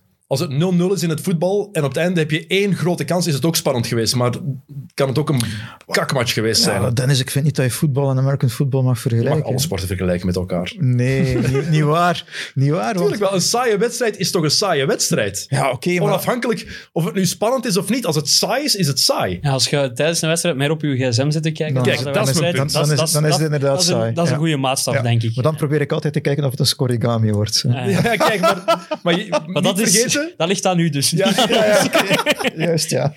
Kijk, niet vergeten. eh, Ik ben hier de opper NBA-nerd. Jij bent de opper American Football-nerd. Dat is een compliment, nogmaals, maar voor neutrale supporters. Ehm, en ja, het excuus van dat zevende team is geen goed idee. Ja, kijk, die zevende teams. Be better. Wees gewoon beter. Het is een competitie met een league met 32 ploegen. 14 van de 32 in de playoffs is niet op zich niet zo overdreven. In het Belgisch basket was het 8 van de 10 de laatste jaren. Ja. Dat is belachelijk. Maar 14 van de 2... Ja, kom aan. 8 van de 10, alsjeblieft. Is niet ooit... Ja, ja. Is niet ooit wat, hè? Waren die dan niet ook eens één jaar dat ze maar met negen in de eerste zaten, omdat tiende ploeg failliet was of zo? En, en dat dus maar één ploeg Ja, toen Pepe? Pepe failliet is gegaan. Ja, dat weet ik nog. Dat was wel een Dat was... eh stom idee. Eh, Maar dat zevende team, ik vind dat geen excuus, want ik hoor iedereen dat inderdaad ook zeggen. In elk artikel, elke podcast, ja, een slecht idee. Maar, Maar vorig jaar was dat toch Sava? Want vorig jaar waren die, de Bears... Nee, eh, wacht, hè, waar zat Rivers? De Colts waren toch zevende team of zo? Ja, de jaar? Colts zijn er maar net uitgeschakeld geweest. Hè? Ja. En, en vorig jaar waren die denk ik het zevende team. En was dat wel een Ja. goede matchup. Dus ik denk dat je wel moet, moet geluk hebben ook Ja, met wat er samenkomt op Nou, de op wat 49ers waren eigenlijk ook het zevende team. Hè? Die zijn ook tot in de championship game Voilà, dus. Voilà, kijk, dus het kan wel. Eh, de Super Bowl Cincinnati tegen de LA Rams in de nacht van 13 op 14 februari dus. Was ook een vraag, wanneer is de Super Bowl? Ik denk dat de persoon die het ons vroeg op Twitter even, op Google had kunnen intikken, evenveel tijd was kwijtgeraakt en het had Ja, gevonden. ik heb daar twee minuten naar die vraag gekeken en mij afgevraagd: is het ironisch? Ja, sowieso. op? Of wil hij echt de datum weten? Ik Had, antwoord je, ook had jij daar twee minuten voor nodig? Ja? ik zal dat op een laat moment bekeken hebben. Of op een te vroeg moment. Of een te vroeg. Is ook Of, tij- of tijdens... Ah nee, het kon niet tijdens de wildcard zijn. Eh, het is de eerste Super Bowl in 19 jaar zonder Tom Brady, Peyton Manning, Ben Roethlisberger of de San Francisco 49ers. Ik vind het jammer voor die stat dat de San Francisco 49ers daarbij komen. Dat was een mooiere stat geweest als dat vier spelers waren geweest. Ik weet het, maar... Ja. Maar wel opnieuw met een team uit de NFC West. Wil dat iets zeggen? Dat dat een heel sterke divisie is. Dat dat een aantrekkelijke divisie is, denk ik. Ja, waar Ja, ze elkaar eigenlijk doodmaken nog voor de playoffs beginnen. Het wordt gespeeld in eh, het SoFi Stadium in LA, de thuisbasis van de LA Rams. Maar En het mooie Chargers. daaraan is, de Rams zijn de bezoekende ploeg. Dus die moeten ook in... Ze krijgen hun eigen kleedkamer. krijgen hun eigen kleedkamer niet. Jawel, ze krijgen Jawel, ze krijgen hem Ah, ik heb vandaag ze. gelezen van niet. Ah, dan is het Ah, dan vandaag is het dan is het veranderd. Vandaag had ik gelezen dat ze verplicht in de bezoekende kleedkamers moesten zitten. Ah, omdat om- zij de uitploeg zijn. Want, want ik had gelezen dat het, omdat het stadion wordt gedeeld Ja. door de Chargers en de Rams, waarom dat de Chargers ook thuisteam zijn En de Bengals in die kleedkamer zitten, zitten ze ook in een Kan thuiskleedkamer. dat twee evenwaardige kleedkamers Ja. zijn eigenlijk. Maar dat weet ik dus eigenlijk niet. Wacht, maar waarom, waarom is dat de bezoekende ploeg? Omdat er is een regeling dat... Dus je hebt de AFC en de NFC en het wisselt ieder jaar. en vorig jaar was het de NFC en waren de Tampa Bay Buccaneers dus echt wel het thuisteam. Maar dus nu is dat gewisseld en is de AFC eigenlijk het thuisteam en zijn de Rams eigenlijk de bezoekers in hun eigen stadion. Maar, want dat is ook een vraag die dat we veel hebben teruggekregen, omdat het is dan... Ja, die spelen dan in eigen stadion. Gaan die dan één, niet veel meer fans hebben? En twee Die- ook, is, is, is dat nog logisch dat dat een... een the Die- winner takes it all? Dat, die- moet dat niet zo een best of... Maar die hebben de halve finale, de conference final, dus de halve finale in eh en, week, termen, en week 18. Ook, ook en week 18 ook thuis gespeeld. Maar daar waren ook meer bezoekers dan, dan, dan de thuisploegfans aanwezig eigenlijk. Omdat die Rams zijn nog niet, ja, nog niet super, super, super populair in LA. Dus Ehm, denk aan de Clippers. Ja, oké. Ja. Dan ben ik mee. Voilà. Maar in de Super, En- en maar in de Super Bowl speelt dat eigenlijk geen rol. Want de meeste tickets worden uitgedeeld door de NFL zelf. En de twee ploegen krijgen elk maar een gelijk deel aan tickets. Plus alle andere teams krijgen ook nog een bepaald percentage van tickets. Dus eigenlijk proberen ze er zoveel mogelijk een neutrale site van te maken. Dat je uitgedeeld durft zeggen. Ja. en Over Super Bowl tickets. Jurgen, dat is echt durven. ja, want dat was ook een vraag, maar dat is misschien voor straks. Maar het is toch zo aan de corporates? Alle mooie tickets die worden uitgedeeld aan en straffen- mensen van belang. straffen is ook, hoeveel jaar is er nu Super Bowl? Dit is de 56e en nog nooit had een thuisteam... Is daar dat je naartoe Ja, gaat? dus Ja, Oké, ik nog laat jou nooit- verder. Er had nog nooit eh, een ploeg dus in eigen stadion de Super Bowl gespeeld in al die, die, in die ze- 55 jaar dus. En nu twee jaar na elkaar Ja. speelt een ploeg toevallig, want dat ligt dus al x aantal jaar op voorhand vast, hè, waar dat de finale gespeeld Ah ja, wordt. oké. Dus dat was nu al drie jaar geleden of vier jaar geleden geweten van die finale gaat in LA zijn. Ehm, dus dat is toevallig dat je dan net dat jaar pikt. Zoals het All-Star Game in de NBA Ja. weten we ook al lang op voorhand waar het gaat, gaat plaatsvinden. Tenzij dat natuurlijk een staat onnozele wetten invoert, zoals toen in Charlotte.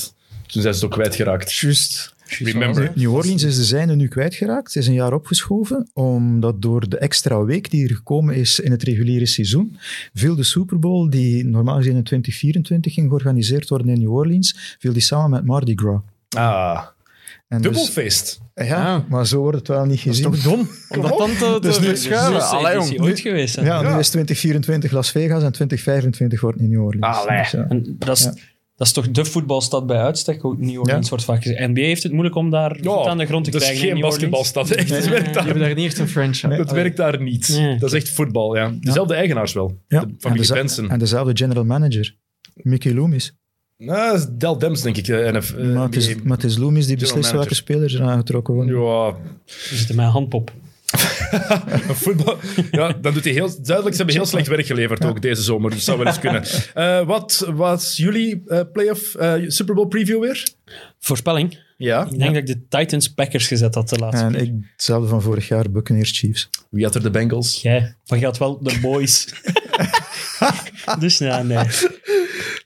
Maar ik denk, de Bengals is wel... Ik denk dat we allemaal wel gezegd hadden dat we hoopten dat de Bengals Ja. tot in de Ja. finale gingen, Ja. gingen schoppen. Omdat ja, die ploeg heeft die swagger met Joe Burrow. eh, ik, ik, eh, Sympathiek ploegje gewoon, hè? Sympathiek. Ja, En Joe Burrow is ook weer iemand die mensen aantrekt die van buiten de sport, die het niet helemaal volgen, die zien dan zo een keer Joe Burrow passeren met zijn speciale, met zijn speciale zonnebrillen, die weer Met, een of met zijn uitspraken. Met zijn sigaar, briljante quotes. Dat, dat zijn de figuren die die sport echt nodig heeft. Dus, dus wel heel, heel fijn. Ehm, en, en ook een, een beetje ja, een soort van sprookje toch wel, want de Bengals zijn ja, mogen we zeggen, toch wel een, een, een lachertje vaak geweest, een beetje in, in, in de NFL. Maar Jurgen zei het Ja. vorige keer toch? Hoe lang Ja. was het geleden dat ze een playoff match hadden gewonnen? 11.333 dagen. Van 19... Ze hadden, Ja, de dat- laatste keer dat ze een playoff match hadden gewonnen was in 1990. Eh, ja, seizoen 1988. eh, wedstrijd gespeeld in januari 90. Hadden ze toen 41-14 gewonnen van toen nog de Houston Oilers. Die ondertussen al jaren de Tennessee Titans zijn. En dan de ronde erop, divisional, eruit tegen de Raiders. Zo lang was het geleden. Shout-out Tim van. Humbeek. En- En ze hadden nog nooit een wedstrijd. wedstrijd op verplaatsing gewonnen in de playoffs. Nu al twee. Kijk, En het is, het is ook zo'n ploeg die door een familie wordt gerund eigenlijk een beetje. Ja, en die, Nog steeds. die bijvoorbeeld in, in tegenstelling tot andere franchises die het altijd groter, bigger, meer zien, zien zij, zo, zij zijn zo wat tevreden met wat er gebeurt. En zo'n trainer ontslaan omdat hij het slecht doet, doen die niet omdat hij niet te veel... Nee. ontslagpremies willen betalen. Ik hoorde deze week bijvoorbeeld dat die geen indoor facility hebben. Nee. Dus dat is een NFL-ploeg. Dat, is- dat, zijn, ja, dat zijn top 50 alle sportclubs ter wereld. Maar die hebben geen indoor gebouw, omdat die daar nog nooit in geïnvesteerd hebben. Dus die moeten nu in een... Want de, de Super Bowl is indoor. Ehm, Nee, Die moet- het wintert in Cincinnati. ja, ja, Voornamelijk ja, het dat. wintert en het gaat warm zijn. Dus die moeten indoor trainen. Dus die moeten daar beroep doen op een universiteit die wel indoor faciliteiten heeft. Dus eigenlijk is zo wat een, een, een, een- ja, een boerenploegje of zo. Een klein, klein, ja, dat is absurd voor over zoiets Je, je wil eigenlijk zeggen. Waregem van de. Ja, Dat wil je Hey, zeggen. Het enige, dat zou, het scheelt niet veel of het waren met semi-profs. Nu, het, is, leven het, is, Fredje het, is wel, Dupré. het is wel zo dat ze de afgelopen twee seizoenen eindelijk de portemonnee een beetje open gedaan hebben met het aantal spelers die ze aangetrokken hebben op verdediging. En dat heeft uiteindelijk toch wel voor een groot deel het verschil gemaakt. Over portemonnee gesproken. eh, Er was dus iemand die 20 dollar had ingezet op de, juist op de scores van Bengals Chiefs en eh, Rams 49ers. Had ze allebei helemaal Correct, juist. de score. Correct. Ja. Hij heeft 20 dollar ingezet. Hoeveel heeft hij verdiend, denken jullie? Ik mag hoop... 20 dollar ingezet, maar dat is niks, hè? Nee. Hoeveel verdien je als je de twee scores van de halve finales volledig juist hebt? 340.000. Een half miljoen. 579.000 dollar heeft Jeppa. hij gewonnen. Mooi. 20 dollar inzet, meer dan een half miljoen. Hoe, hoe, Ja. Wat doe je op dat moment dat je ziet de laatste field goal of zo die gebeurt? Dan, wat, wat, wat doe je voor je tv? Ik weet het niet. Ik spring Ik door mijn tv. zoeken. Ja, ja. Ik spring gewoon door mijn tv. Ik, Dat heb je al twee, gedaan. Ik wou net zeggen. Twee, twee blikken op mijn hoofd, giet die blikkers op mij. Fuck, direct bellen aan mijn baas. Ik kom maandag niet. Trek uw plan. Sorry, Sam. Oh, maar het is- Oei, maar wow, met 20 euro. Ja. Je kunt dat zo per ongeluk doen. Ah, ik heb nog 20 euro staan, ik ga het Ja. daarop inzetten. Echt belachelijk. Hè? Eerste Super Bowl voor de Bengals sinds 1989. En Ja, ja. Leroy stopt met werken. het, ging over een het ging over iemand die gewet had, Sam. Iemand die had ingezet. Maar kijk, je kunt die opzeg dan afbetalen. Ja, ja, als ik je koop gewoon het bedrijf dan. Ja, voilà. Eh, eerste Super Bowl voor de Bengals sinds 1989, voor de Rams sinds 2019. Een paar jaar geleden nog gespeeld met Jared Goff. Mhm. Je kan nog een Super Bowl halen met een slechte quarterback. Ehm, maar het verhaal van de Bengals, je zei het net al, het is zo'n klein clubje. Maar als je kijkt naar waar ze vandaan komen, is het nog mooier. Twee jaar geleden hadden ze twee matchen gewonnen en veertien matchen verloren. Ja. En nu staan ze in de Super Bowl. En allemaal doordat ze de number one pick hebben gehad en dat ze iemand hebben kunnen kiezen, want dat is geen garantie in de NFL, en de NBA ook niet, maar dat ze iemand hebben kunnen geven die hun club een compleet nieuw elan heeft gegeven. Klein beetje wat Tom Brady bij de Patriots heeft gedaan, ook al was Drew Bledsoe een goede quarterback en waren ze wel al beter bezig onder Belichick. Ook al Maar- de Super Bowl gehaald, hè? ja, Ja. kijk, maar het is wel, het is wel zo. Hè. Burrow komt daaraan. Hij verandert alles. Hij zegt na zijn rookiejaar, waarin hij de laatste zes weken mist omdat zijn knie compleet kapot is. Niet, niet een beetje. Hij, heeft vorig jaar maar twee wedstrijden gewonnen, ook als Ja. quarterback. Ze zijn wel 4-11-1 geëindigd, maar heeft er maar twee gewonnen, want dan is hij geblesseerd uitgevallen. Voorste kruisband over, Ja. mediale kruisband over, schade aan de meniscus. En dan zegt hij nu tijdens de draft tegen zijn bazen: draft hem Jamar Chase. Dat is mijn maatje van in college. Dat gaat werken. En kijk, het werkt. Ja, terwijl iedereen zei van ze moeten een offensive lineman kiezen. Penny Sewell, die is uiteindelijk naar, eh, naar Detroit gegaan, heeft daar een goed seizoen gespeeld. Maar ik denk niet dat die zo'n verschil had kunnen maken hè, als Jamar Chase gemaakt heeft voor de Bengals. Want de vraag is, die we vooral ons moeten stellen vandaag voor mensen, ik denk dat Jokke die ook al gesteld heeft, voor mensen die de NFL niet hard volgen, waarom moeten mensen naar deze Super Bowl kijken? Want de grootste namen zijn er niet. Je hebt natuurlijk wel de beste combinatie quarterback-wide receiver met Burrow en Chase, misschien van in de hele NFL. Maar ook aan de andere kant, Stafford en Cup, die mag je ook niet onderschatten. En Odell Beckham Jr. loopt daar ook nog ergens rond. Ja, absoluut. Maar we zullen eerst even de Bengals doen misschien. Oké. Het is, je hebt twee su- superjonge talenten die ook nog eens tot de verbeelding spreken. Ik denk dat Burrow wel die household name kan worden. Dat wel mensen, dat Burrow, zoals ik daarnet zei, iemand is die mensen kan aantrekken in, in de NFL. En die ook gewoon de komende jaren wel, wel vaker in die playoffs zal te vinden zijn. En wel die grote naam kan worden die hij nu nog niet is. Maar je moet natuurlijk eerst, eerst die Super Bowls winnen, eerst die Super Bowls spelen, voordat je echt voor de mensen hier die grote naam kunt worden. Maar hij heeft alle star quality om het te maken. Hij is plezant om naar te kijken. Spectaculaire speler. al- alles, eh, ja, swag, dat is het enige woord wat constant bij mij opkomt als ik Swag is wel echt het... Swag is 100% met, met, met kettingen, eh, sigaren, eh Maar ik doe hier zijn Instagram open, die lijkt echt weggelopen uit de Matrix of zo. Heb je die persconferentie met zijn ketting eh, waarin Ja. met, die, met die diamanten, waarin hij tijdens de persconferentie zegt, ja, het zijn wel echte. Ja, maar het geld dat ik verdien, kan ik niet maken dat valse zijn. I make way too much money to buy fake ones. Zo'n goede quote. Ja, z- en absurd, want eh, allee, om het cru te zeggen, laat dat hier een Vlaming zeggen. We vinden dat super arrogant als, als, als wij verzuurde Vlamings. Ik weet het niet. En, en hij komt daar zo mee weg en is hij het. brengt dat zo spontaan dat we dat super Ja, vet vinden. Maar, Terwijl maar dat ook dat... het, maar ook het verhaal hoe hij er gekomen is, eigenlijk wilde hij geen quarterback spelen. In high school, in Athens, hij wilde wide receiver spelen.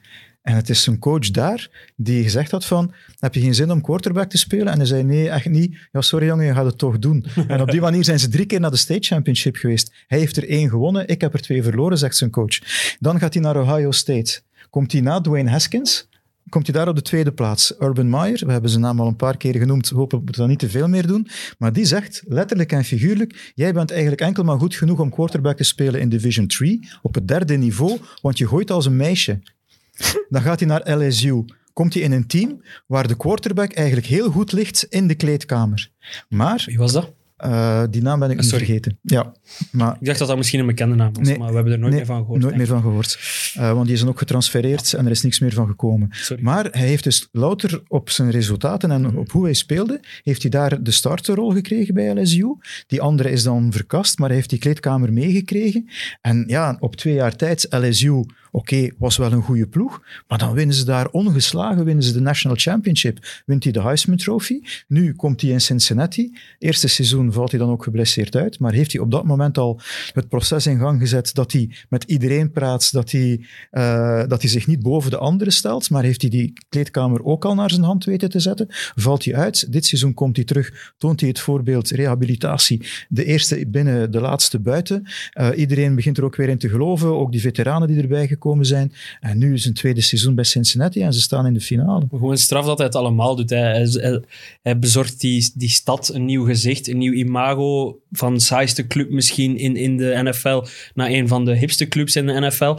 En gekoppeld aan sportieve. Ik denk dat, dat, dat ze daar zelf niet hadden durven van dromen Nee, bij Cincinnati, dat ze nu al gingen staan nee. waar ze staan. Nee, want ik had ook al in een van de wedstrijden, zei ik toen ze achterstonden eh, in de wedstrijd tegen de Titans, dat- of, of dat het daar zo moeilijk was dat de Titans terugkwamen, heb ik toen ook gezegd van, dit is misschien nog een jaartje te vroeg, ze hebben nog een jaar nodig, maar alle, eh, alle ervaring die ze nu opdoen, kunnen ze dan volgend jaar gebruiken. Maar kijk, ja, ze staan er nu al in die finale, dus ja. Joey Brr. Joey Brr wordt hij genoemd nu, omdat hij zo ice cold is. Omdat hij zo niet onder de indruk is van welke omstandigheden ook. En hij wordt al vergeleken met Joe Cool. Montana. Joe Namath.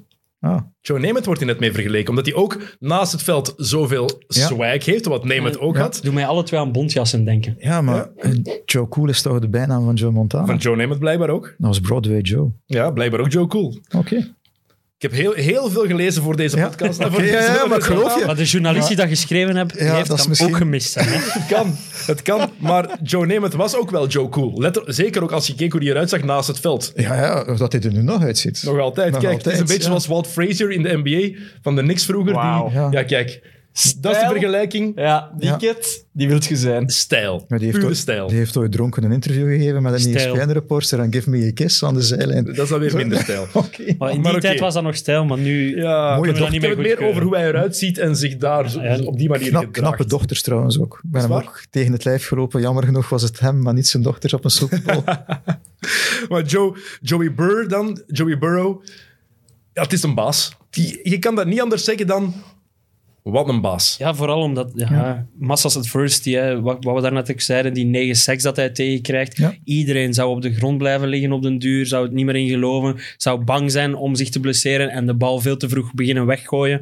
Maar hij, he don't care. Hij speelt gewoon ballen van zijn lijf. Echt, Wat- en voor de wat- draft had hij zogezegd de kleine handen, volgens Ja. de analisten. Ja. Het ging niks worden, Nee. de kleine handen. Ja. ik zag- ja, inderdaad. Ik zag zo een, eh, een postje passeren op NFL met zijn tweets, zijn oude tweets. En daar had hem ook eh, eh, help, eh, can, can people pray for me because my hands are too small of zo. I, I guess I'm go- I guess I'm going to retire now because my hands are apparently too I, small. I have to retire. Hetzelfde yes. probleem nu met de quarterback die voorspiegeld wordt om als eerste gekozen te worden in de draft. Kenny Pickett van Pittsburgh. Ja, die... die- heeft ook zijn handen niet laten meten. Die ze wil eerst nog mm, ja, Maar die zijn allerhande in term staat ook wel loodrecht op Ja, ja, waar dus- hem zou moeten staan. ja, dus dus eh, ja.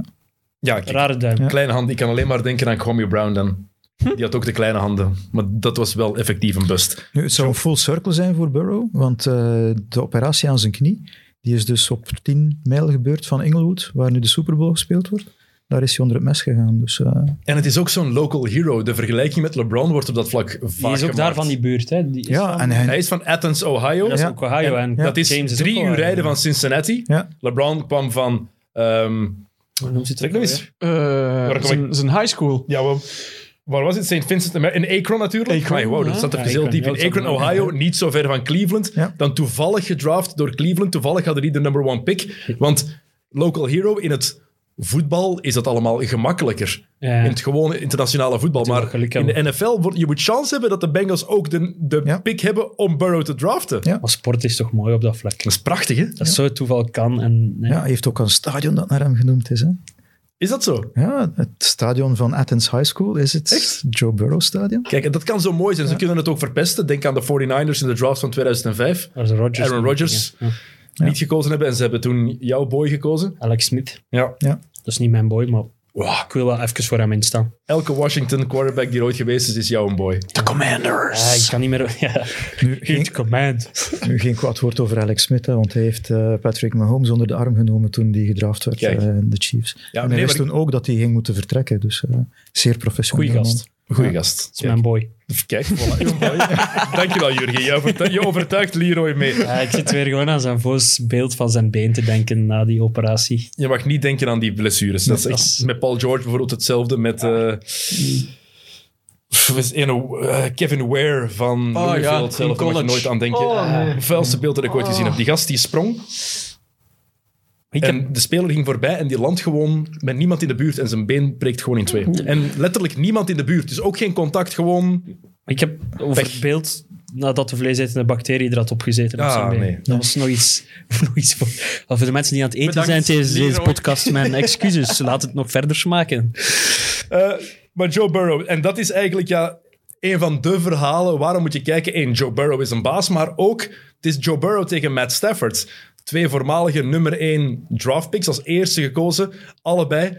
Twee grote talenten. Stafford die bij Detroit 12 jaar van zijn leven verscheten heeft, om het dan maar zo even letterlijk plat te zeggen. Ja, Ja. bij de Lions zitten, dat is... Zijn bankrekening zegt, het, het viel wel mee die 12 jaar. De bankrekening zegt dat inderdaad. Maar zijn cv zegt iets anders. Ja, nee, het klopt. Hè. Hij, heeft, hij heeft altijd bij het lachertje misschien wel van de NFL gespeeld. Detroit Lions toch de laatste... Ja. Ja. sinds dat wij het volgen, zeg maar, Dennis. Ehm, dan met één... Ze hebben dan... Dat is wel heel cool van die ploeg dan, dat ze hem eigenlijk niet naar zomaar de eerste, de beste ploeg getraind even hebben. duiden waarom het een lachertje is. De... dat is echt schandalig. De Lions hebben in hun hele bestaan minder touchdown passes in de playoffs dan Patrick Mahomes er nu al heeft. Nu al. Ja, ja. Hoeveel keer hebben we die playoffs gehad, Lions? Dan echt amper eigenlijk. Eh, drie keer in de laatste twaalf jaar. Maar, De, de laatste overwinning in de playoffs is denk ik 30 jaar geleden. ja, dat zou kunnen. Zoiets. Zo. Langer, zelfs meer dan Lang, 30 jaar geleden. Het is Ja. erg. Gelukkig hebben ze daar de Pistons nog gehad. Ja, dat is ook een succes. Ja, maar 87 moet het geweest zijn. Want dat was toen eh, dat er een staking was. En toen, eh, Dan konden ze winnen. ja, nee, toen hebben ze inderdaad de playoffs gehaald. En hun quarterback toen, ik denk dat dat Eric Kramer was, was de, de scap die dus de, de, de, de picketlijn gebroken had om te spelen in die dingen. En die was dus aangebleven. En dan was er was een playoffwedstrijd tegen de Cowboys. En de Cowboys gingen hem echt pakken. eh, omdat hij ja, een scap-player en, en ze waren echt gebrand. Maar toen hebben de, de Lions die wedstrijd nog gewonnen. Was de een iemand die zegt van fuck de staking, we spelen? Ja. Ja, Ja. oké. Kort samengevat, 1987 eh, was eigenlijk nog voor free agency. In die periode konden spelers niet weg, of de club moest ze echt wegsturen. Mhm. En toen hebben ze daarvoor eh, een staking gedaan. Eh, maar er waren een aantal spelers die wel blijven spelen zijn.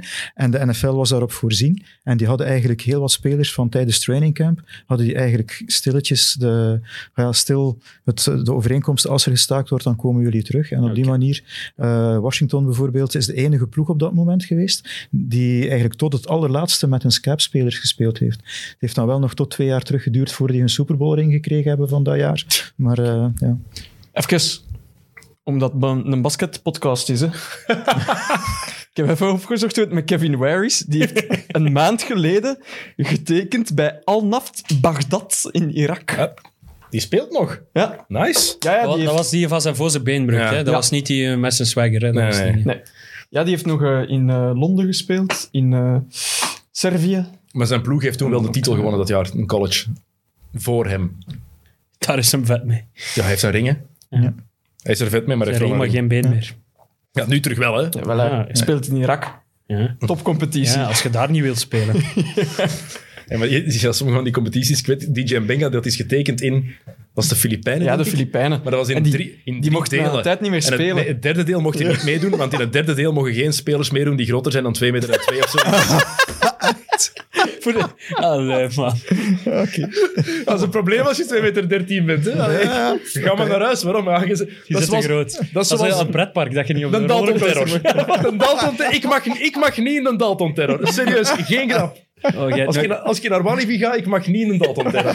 Nee. Nee? Allah, ik ben, allee, ik ben En al lang... probeert je dan ook elke keer? Oh, nee, want dat ik heb dat gewoon... Ja, de, de eerste keer heb ik is dat geprobeerd. Omdat je met je voeten tegen de grond zou Ik weet zitten. het niet. Boven de meter 90 mag je niet in de Dalton Terror. Ja, maar je wilt ook wel niet dat je benen eerder tegen... Maar dat remt. dan- dan dat kan toch niet Ga je wel gevaarlijk in, zijn? ga je wel in kleermakers zitten daarop zitten dan, hè? Maar dat is, ja, misschien kan dat niet, niet genoeg toe. Je kunt daar niet tussen. Lief, die Ja. 6 centimeter. Maar dat jij ook zo'n beetje een dikke zet. Ja, absoluut. Ik kon dat niet goed dicht krijgen. Dat is echt dat probleem. Dat ik heb En de Glenny mag daar wel op zetten waarschijnlijk. als klein mannetje wel het probleem gehad dat er, te veel, raakt dat er zo te hè? Veel ruimte is Ah, ja. daartussen. En dat je zo van kant naar kant, dat is ook Ja, niet je wilt er wel niet uitvallen uit de Nee. Dalton Terror. Liever niet. Het, uit, uit geen enkel attractie. Niet alleen uit een Dalton-terrorist. hè. Pas op, ze van die bootjes kan nog funny zijn, toch? en dan komt er een ander bootje daarachter en dan ligt het daar in het water. Hij schat met mijn zus is een bobslee. Wat? Maar, maar, ik zo, maar ja, ik kan dat hier vertellen. Ik ben niet interesseert mij niet dat dat ertoe doet of niet. Eh, je hebt zo in Plofsaco zo van die bobsleidingen, eh dat je zo met die hendel vooruit moet Ja. doen. En, eh, dus ja, wij zijn met vier thuis. Mijn zus was de jong, allee, aan de ene kant, mijn zus was de jongste. En ik heb dan twee broers. En dus mijn zus vertrekt als eerste. En dan mijn twee broers en ik als laatste. En plots zie ik mijn zus daar al wenend eh, naast dat parcours staan, helemaal uit een bocht gevlogen. Mijn twee broers zijn er gewoon aan voorbij gevlamd, die gewoon laten zitten. Dus onze ouders weten dat, dat, dat de zus eerst is vertrokken en die staan beneden te wachten en zien eerst de twee andere broers beneden komen. Dus die waren zot in paniek. Dus ja, je wilt niet uit een attractie vallen. Maar heb jij, heb jij dus dan Ik ben gestopt. Ik heb ze dan op, ja, op snelheid geduwd, want je ziet niet wat er van achter een bocht komt. En dan moest ik zo alleen in mijn bobsleetje gaan zitten en zo zot achter mij kijken en op die hendel duwen en hopen dat er niemand zot snel af... Levensgevaarlijk, man. Dus eigenlijk. je hebt je zus haar leven gered en toch post hij een foto van u met een Tottenham. Inderdaad, voilà. Dat is Maar- lelijk. Echt. Bon, vreemd intermezzo, maar ik ben blij dat ik het eens verteld heb. mooi, kijk. Je bent zo'n lieve jongen. Dit, dit maakt XNO's, kijk, omdat we zo'n dingen kunnen vertellen. Ik, denk, ik hoop dat ze die attractie gesloten hebben in uh, Plopsaco. Plopsaco, ik ben er alleen maar geweest destijds toen het nog Mediepark was. Ah ja, dat wist ik niet dat dat ervoor ook al iets was.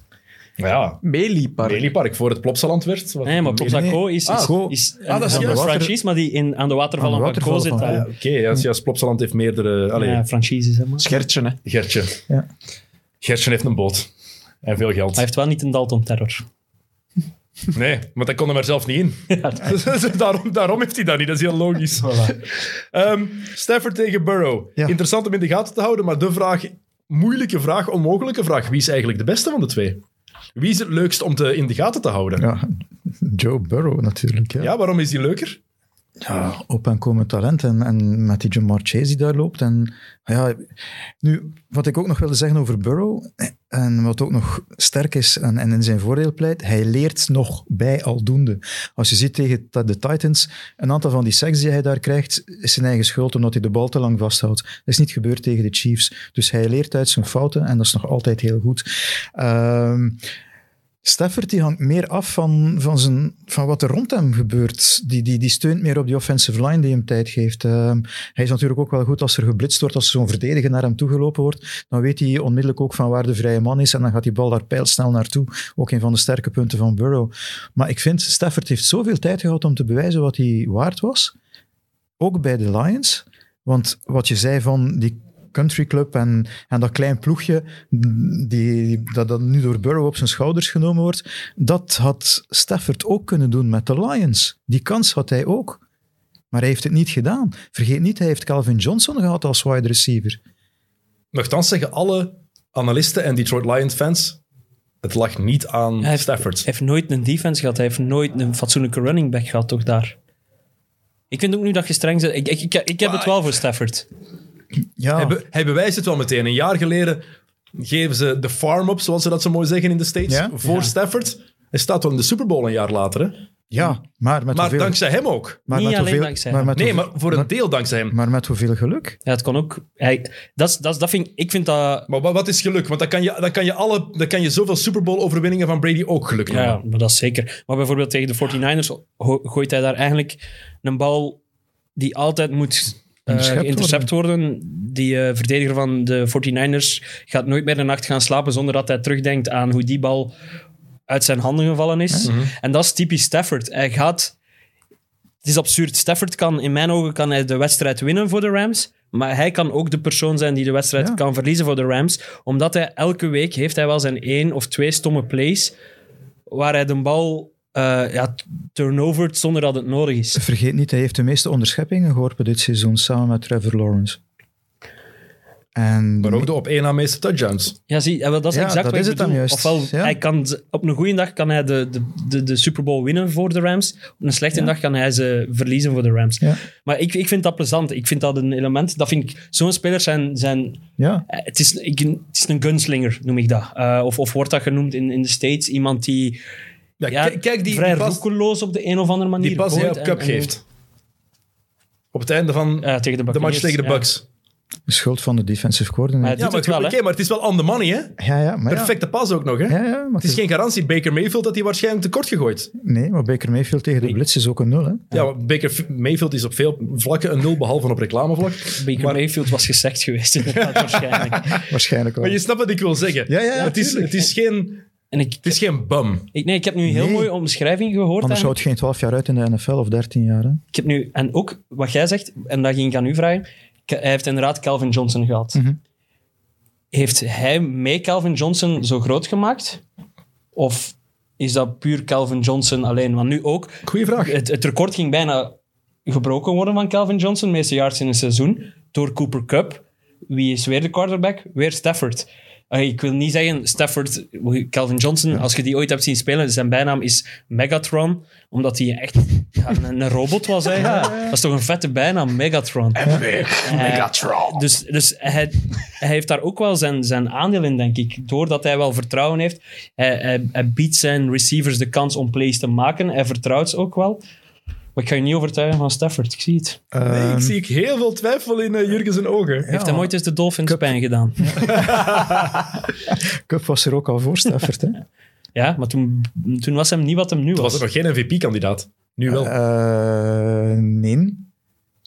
Maar ehm, ja, ondertussen is Sean McVay ook veranderd.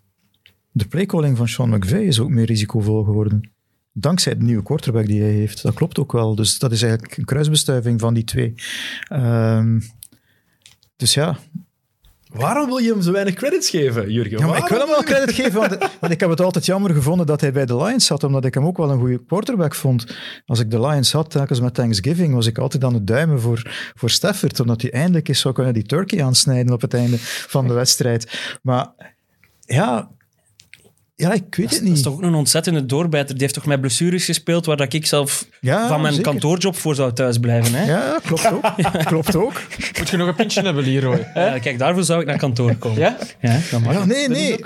Credit where credit is due. Eh, geen probleem. Ik heb geen probleem met Stafford. Helemaal niet. Maar ik vraag me toch ook af ja, in hoeverre dat die ook niet gecreëerd wordt nu door het systeem eh, van McVay. Maar Ja. jij zegt net ook, McVay durft meer risico's nemen Ja, door zijn quarterback. Dus Ja. misschien is het Ja. net Je weet- je weet de toch- quarterback die het systeem mee je weet toch hoe Stafford in, in Los Angeles terechtgekomen is? Je vertel het even voor de mensen die het niet weten. Eh, vorig jaar was hij na het seizoen op vakantie in Mexico, in Los Cobos of zo. Mhm. En toevallig was ook Sean McVay daar met vakantie. En ze zijn elkaar tegengekomen en ze zijn iets gaan drinken. En twee dagen later was de deal rond dat Stafford van de Lions naar de, naar de Rams ging. Maar het werkt ook wel. Hè. We kunnen, ze, ze staan tuurlijk werkt het. En ze zijn de grote favoriet. Ja, ja, Dat ook nog. ja. Maar vergeet niet, dat waren ze drie jaar terug ook. Hè? Gemiddeld 32 punten per wedstrijd. Ja, in maar het als de mensen toen hadden opgelet en wisten Jared Goff is de quarterback, dan wist iedereen, dit mag nooit de favoriet zijn. Dat was ook een grote fout van heel wat Dit- analisten. maar dit kan wel ook perfect nu gebeuren met Stafford. Ja, Maar Maar niet Goff en Stafford qua, kan je ta- toch ja, niet qua talent, maar Stafford kan ook die fouten maken.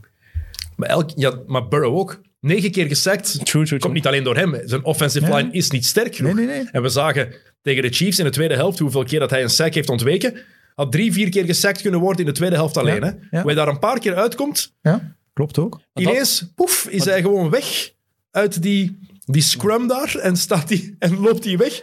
En ik, ik hoorde nu ook wel in, in, eh, in de Amerikaanse media eh, een, een leuke omschrijving rond Stafford. Is eigenlijk, nee, ik las het in The Athletic was het, denk ik. Dat hij thrived in chaos. Dus op Ja. momenten dat ze een ploeg eigenlijk de controle lijkt kwijt te raken, dat Stafford dan op zijn beste is. En dat is natuurlijk iets wat in een Super Bowl een, een, een, een fantastische troef kan Dat is jaren oefenen in Detroit. Hè? Ja, voilà. En, en, en- chaos. en we zitten, hier, we zitten hier om propaganda te maken, eigenlijk, deels voor de Super Bowl. We willen Ja. mensen warm maken voor het idee. Ik denk dat we met deze twee quarterbacks. Je zit niet met een echte systeem quarterback. Je zit niet met een Garoppolo die, die, Saai die, is. die, die eigenlijk zich moet beperken tot simpele pasjes. Nee, je zit met twee, twee sheriffs, twee cowboys die, die, die van allerlei gekke dingen En kunnen die ook de doen. Dus- wapens hebben om het te doen. Ja, en de ene die, dat, wapens, en de ene die zijn eerste kans krijgt na jaren van miserie, Ja. eindelijk, met een heel goed team. Want Cooper Cup, de wide receiver, zijn grootste wapen, is daar onder andere. Maar we hebben ook Odell Beckham Jr., OBJ, die voor mensen die de NFL ook niet hard volgen, misschien kan die naam wel een belletje doen rinkelen, omdat die zo alomtegenwoordig is, al in de Amerikaanse cultuur gewoon. Die, ah, die komt overal opduiken. En aan de overkant heb je de jonge god, de volgende Brady misschien met Joe Burrow, een gast die zich nergens iets van lijkt aan te trekken en van wie alles gewoon lijkt af te glijden, die ook letterlijk gezegd heeft, als corona een jaar vroeger was voorgevallen, dan was ik nooit dan was ik nu een, eh, een bediende ergens geweest of zo. Was ik nooit een, een NFL quarterback geweest. Die zichzelf zo relativeert.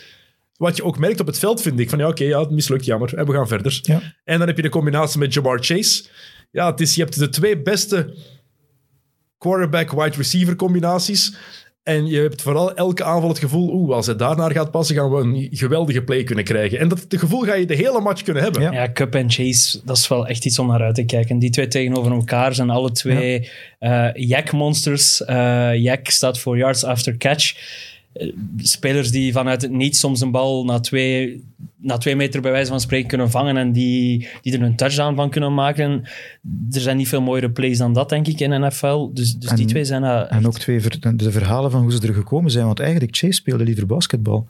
Terecht. Maar hij is eh, in ruzie gekomen met zijn high school coach. En toen heeft hij besloten om volledig voor voetbal te gaan. Ik vond zijn reactie van Jamar Chase nadat ze ehm, de Conference Championship gewonnen hadden, vond ik ook zo mooi. Barstte meteen in tranen uit. Daarna stond hij op het podium daar met eh, Joe Burrow en waarin hij zei, ik ga weer moeten huilen.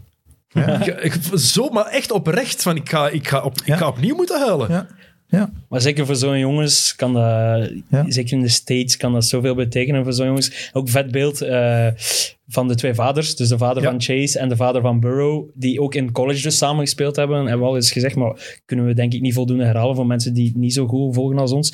Eh, er was een beeld van in college van hun twee samen met een sigaar. En nu dat ze naar de Super Bowl gaan, de- een beeld van die twee vaders eh, met Bengals eh, merch aan.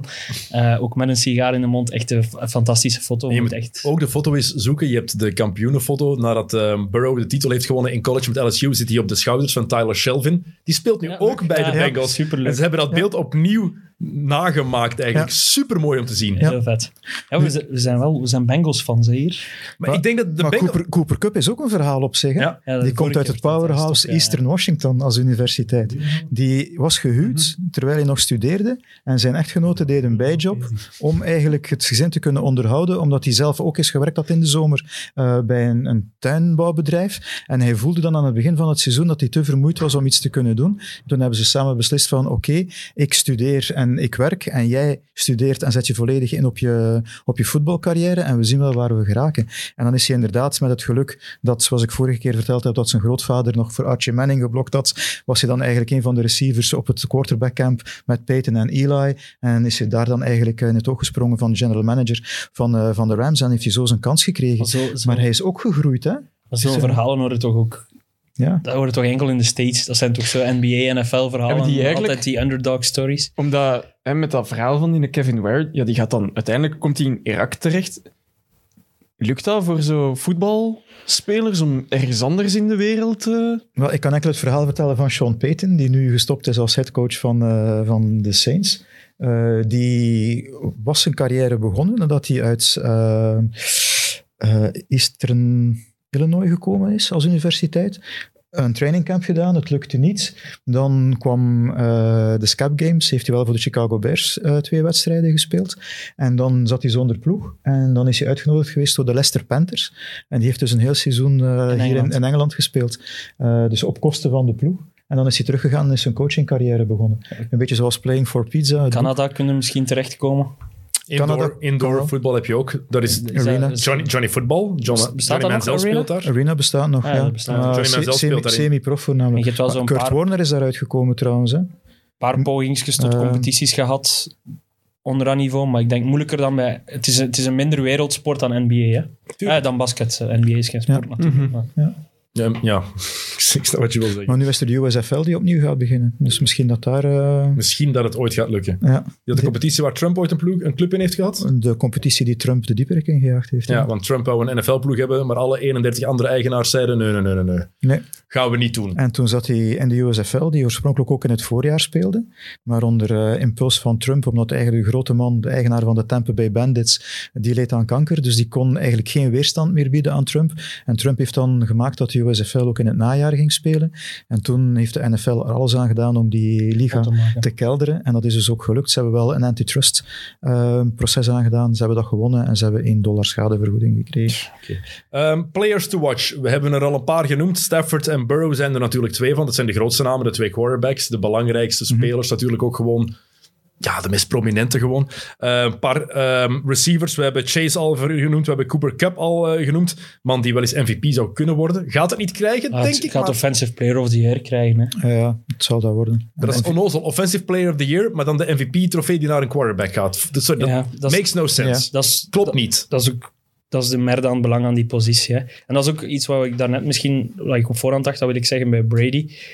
Als Brady, denk ik, één maand eerder had aangekondigd dat het zijn laatste seizoen was, had Ja. hij sowieso de MVP nog gewonnen dit jaar. Nu heb ik het gevoel dat het Aaron Rodgers zal zijn. Mhm. Want de stemmen waren gesloten al voor, voor, Ja. voor hij zijn Het gaat ook over het reguliere seizoen. Einde, einde reguliere seizoen moeten de stemmen binnen zijn. Dus Nou, playoffs spelen ook al geen rol meer. kondig dat, dan, kondig dat dan aan voor de playoffs. Hè. Ja, Ja. skip. Ehm, maar wat wel een grote invloed gaat hebben, het duel Cup.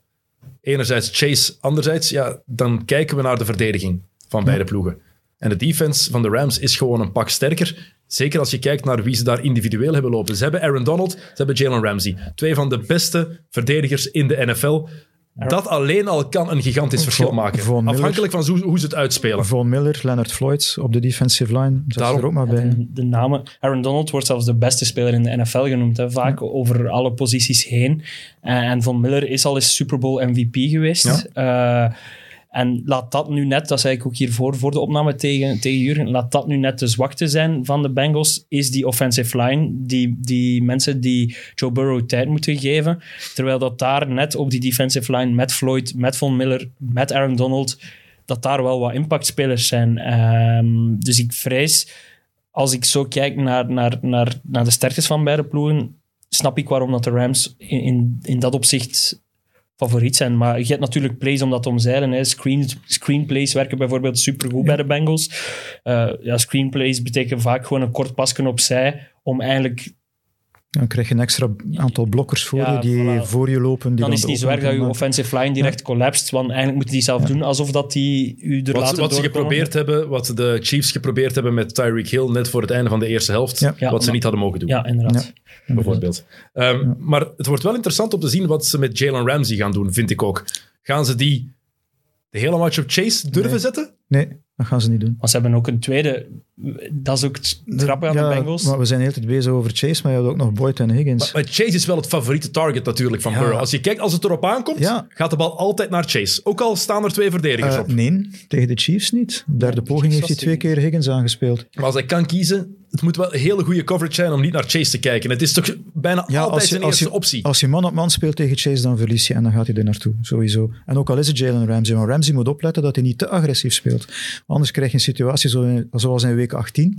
Dacht hij de play van Debo Samuel doorzien te hebben tegen de 49ers. Er was eerder in de wedstrijd een running play geweest. Debo Samuel krijgt de bal van Garoppolo, loopt naar de rechterkant en loopt dan daar door de lijn. Ramsey had gezien dat dat in de eerste helft behoorlijk wat terreinwinst opgeleverd had. Dus hij ziet dat gebeuren. Wat doet hij? Hij stormt er naartoe om die tackle te maken, laat zijn receiver voor wat hij is en dan gooit Debo Samuel de pas naar Jennings en wordt de touchdown gescoord. Dus daar moet Ramsey opletten dat hij niet te agressief gaat spelen. Ik denk dat je wel Higgins on, on- onderschat een beetje, Dennis. Ik snap het omdat de hype rond Chase Ja. huge is natuurlijk. Omdat je hebt het verhaal, hè, Chase Burrow, alles wat we verteld hebben, de sigaren, de vader, samen college.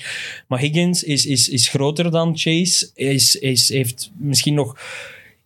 Is minder snel dan Chase, maar is wel, wel Maar qua positiespel is hij wel heel goed. ja, het kan perfect zijn dat, dat het z- eh, nu zondag niet, maar volgende week zondag, dat het T. Higgins is die 120 yards heeft en 8 catches. Kan perfect. Dus wat ze met Ramsey gaan doen, is een, een heel goede vraag. Ramsey kiest vaak zelf wat hij doet op Ja. het veld. Als hij het gevoel heeft van, fuck it, die ene is daar de andere kapot aan het maken. Eh, ik ga er mij even mee moeien. Ik ga op die gaan spelen. Dus Ramsey kiest dat, als je zo goed bent, mag je dat zelf De kiezen. positie van Ramsey wordt als star omschreven, dus ster, dat is hij ook wel. Maar dat houdt dus in dat hij zowel op de defensive back kan spelen, als eventueel op de safety, als eventueel gaan, kan gaan blitsen naar een quarterback toe. Dus hij wordt overal gebruikt. En dat is gewoon omdat ze het systeem aangepast hebben. Omdat hij zo'n goede speler is, willen ze dat de tegenstander hem zo vaak mogelijk tegenkomt in al wat ze doen. En vandaar dat hij eigenlijk al die posities onder de knie heeft en zelf kan bepalen waar hij heen gaat op het moment dat het nodig is. Wie ook een kan worden, is een van de bekendste namen, hè? Odell Beckham Jr. Dat kan wel eens echt een gamechanger worden, want als je kijkt de receivers die ze ook bij de Rams hebben, daar zit ook meer dan genoeg kwaliteit. En Ja, en hun tweede beste is dan eigenlijk nog geblesseerd in, in Robert Woods. Robert Woods, ja. dat, dat scheelt veel. Als die er ook nog eens was bij geweest, was dat heel straf en geweest. OBJ is niet slecht deze playoffs, hè? Nee, alles behalve. Zeker niet slecht, zou ik zeggen. Nee, daarom. Eh, en kom je in de red zone, die laatste 20 yards voor de line of scrimmage, dan mag je er zeker van zijn dat Stafford met een jumbo zal spelen, want Odell Beckham springt boven iedereen uit. En dan, dat is de manier waarop hij de meeste touchdowns ook gescoord heeft dit En, seizoen. en is nog steeds de man van de spectaculaire catch. en bal dat je Ja. denkt van, kan hem niet vangen, doet hem nog. Het is, dit- dit- is nooit helemaal de speler geworden die we ervan verwacht hadden. Hij had, had, had, had echt top 3 potentieel misschien, om, om echt top 3 wide receiver in de league te zijn. Dat is er nooit uitgekomen. Daar was hem iets te veel bezig met zijn eigen sterallures, denk ik. Ehm, absoluut, dat is echt zeker. Ja. Ik denk aan die foto op de boot met de Giants, eh, bijvoorbeeld. Eh, Ja. Hij had ook eens ruzie met, met wat was het? Een, aan, de, aan de zijkant zo een net of zo. Ik heb ook nu eens een duel met, met, met Josh Norman bekeken. Gewoon, het zat niet goed in zijn kop. Hij heeft er veel te weinig uitgehaald, maar zijn talent is niet weg. Dat is hem nu aan het bewijzen in de playoffs.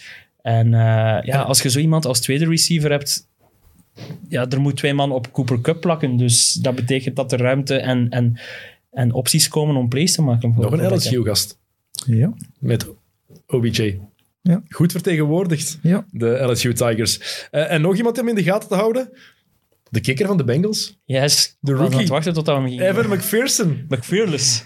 16 op 16 in de playoffs. Shooter. Ja. Wauw. Eh, 12 op 12, dacht ik. Ik heb 16 op 16 gelezen, maar het mag ook 12 op 12 zijn. 100 procent. 100 Dat onthouden we. Drie, drie wedstrijden gespeeld, toch? Ja, ja. En, en vier field goals per wedstrijd. 4 maal 3 is 12.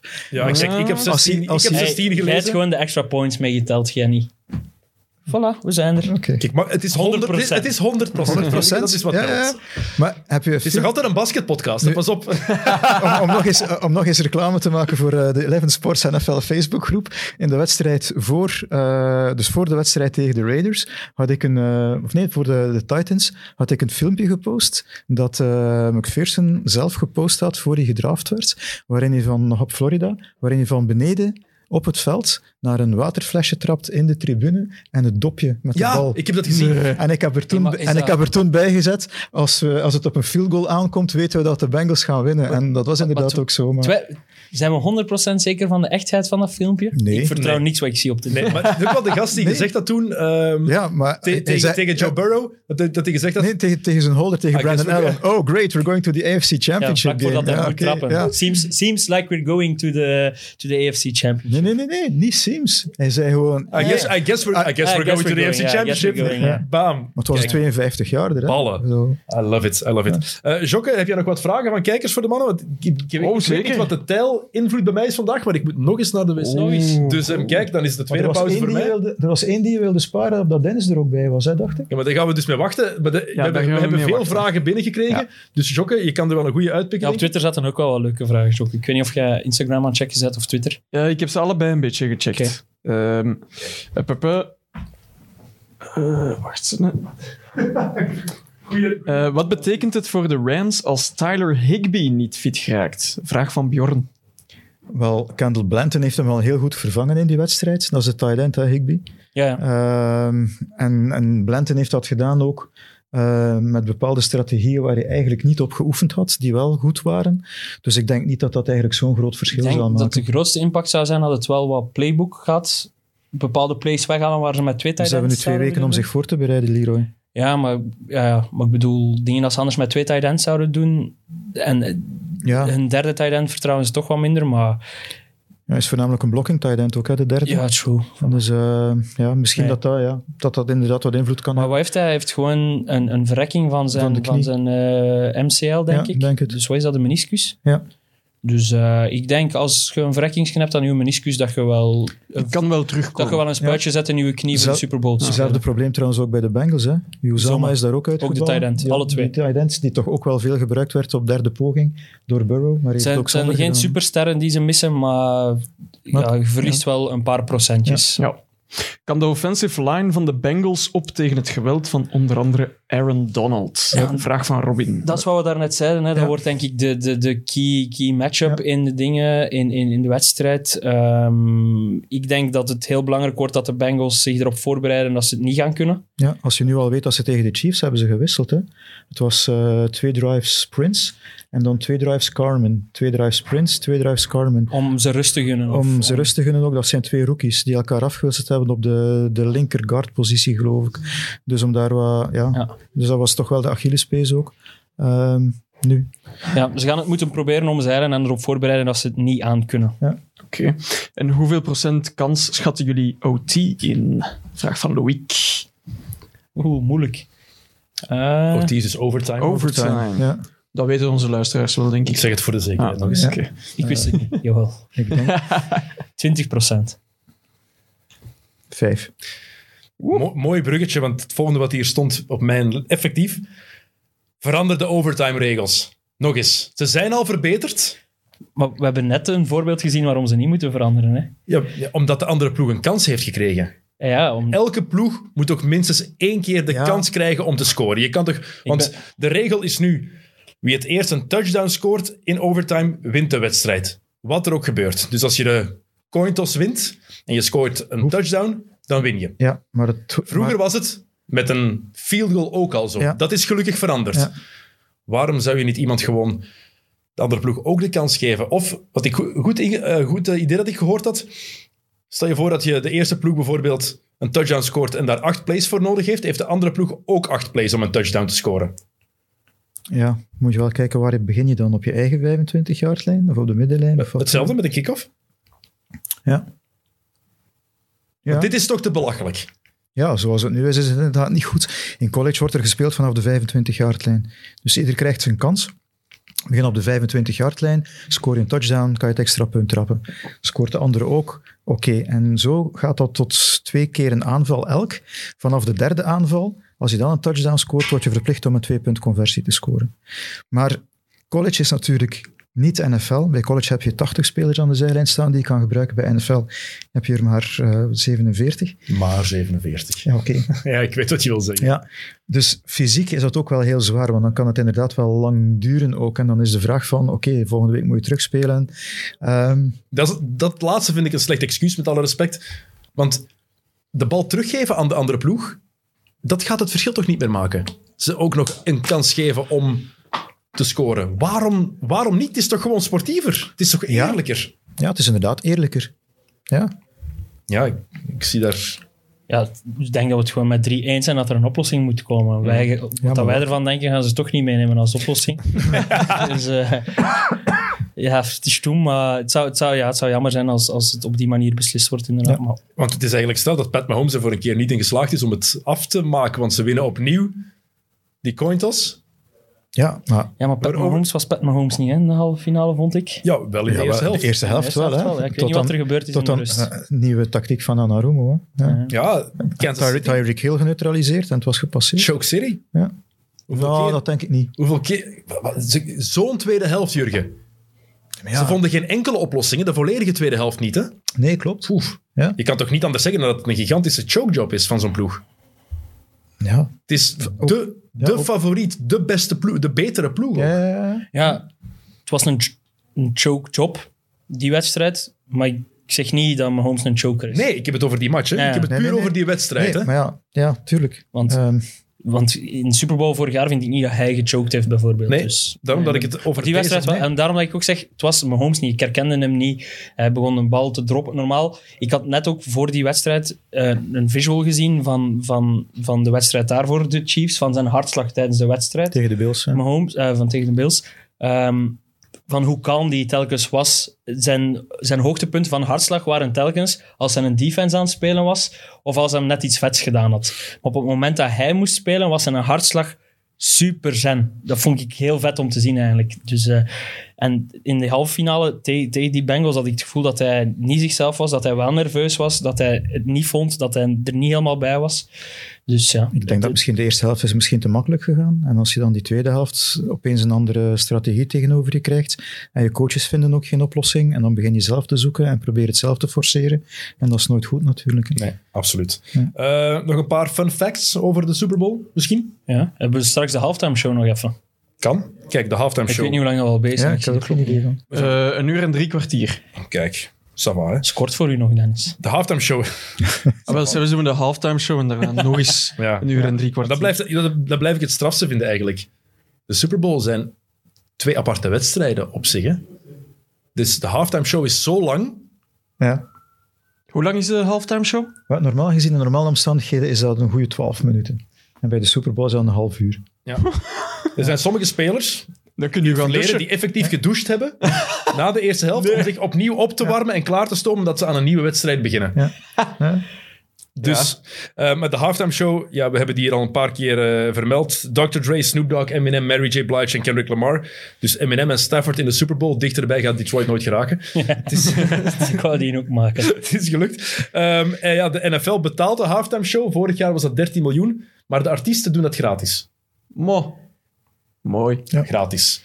Het is de beste publiciteit Behalve- die je kan krijgen Behalve de natuurlijk. weekends die er vorig jaar ook behoorlijk wat geld tegen gegooid heeft om het echt wel helemaal naar zijn hand te zetten. Ja, hij had het beter niet gedaan. Daar weet ik niks te mee zetten. van van de weekend. Ja, ik, ik weet dat... dat Veel spiegels. ik weet dat... eh, Zot camerawerk. ja, ik weet dat David Jacoby... Ja, inderdaad, die spiegels. Oh, jongen, ik werd zat ervan daarna te kijken. Eh, ik, weet, ik dacht dat dat mij lag. De, David, David Jacoby van de podcast Jalen en Jacoby, dat hij de dag na constant zei...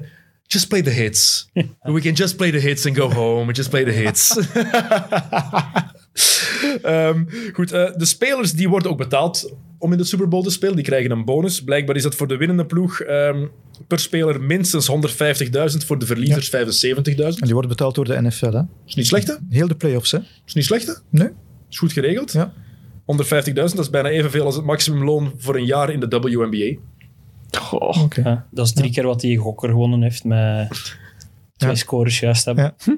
Moet je dan nog belastingen af als je dan gewonnen hebt? Ik denk dat er vanaf hangt in welke staat dat gewoon is. Met gokken wil ik zeggen, hè? Ja, bij het gokken. Wel, Dat mag maar in bepaalde staten. In New York is het nu toegelaten. Ja, in, in Nevada natuurlijk ook.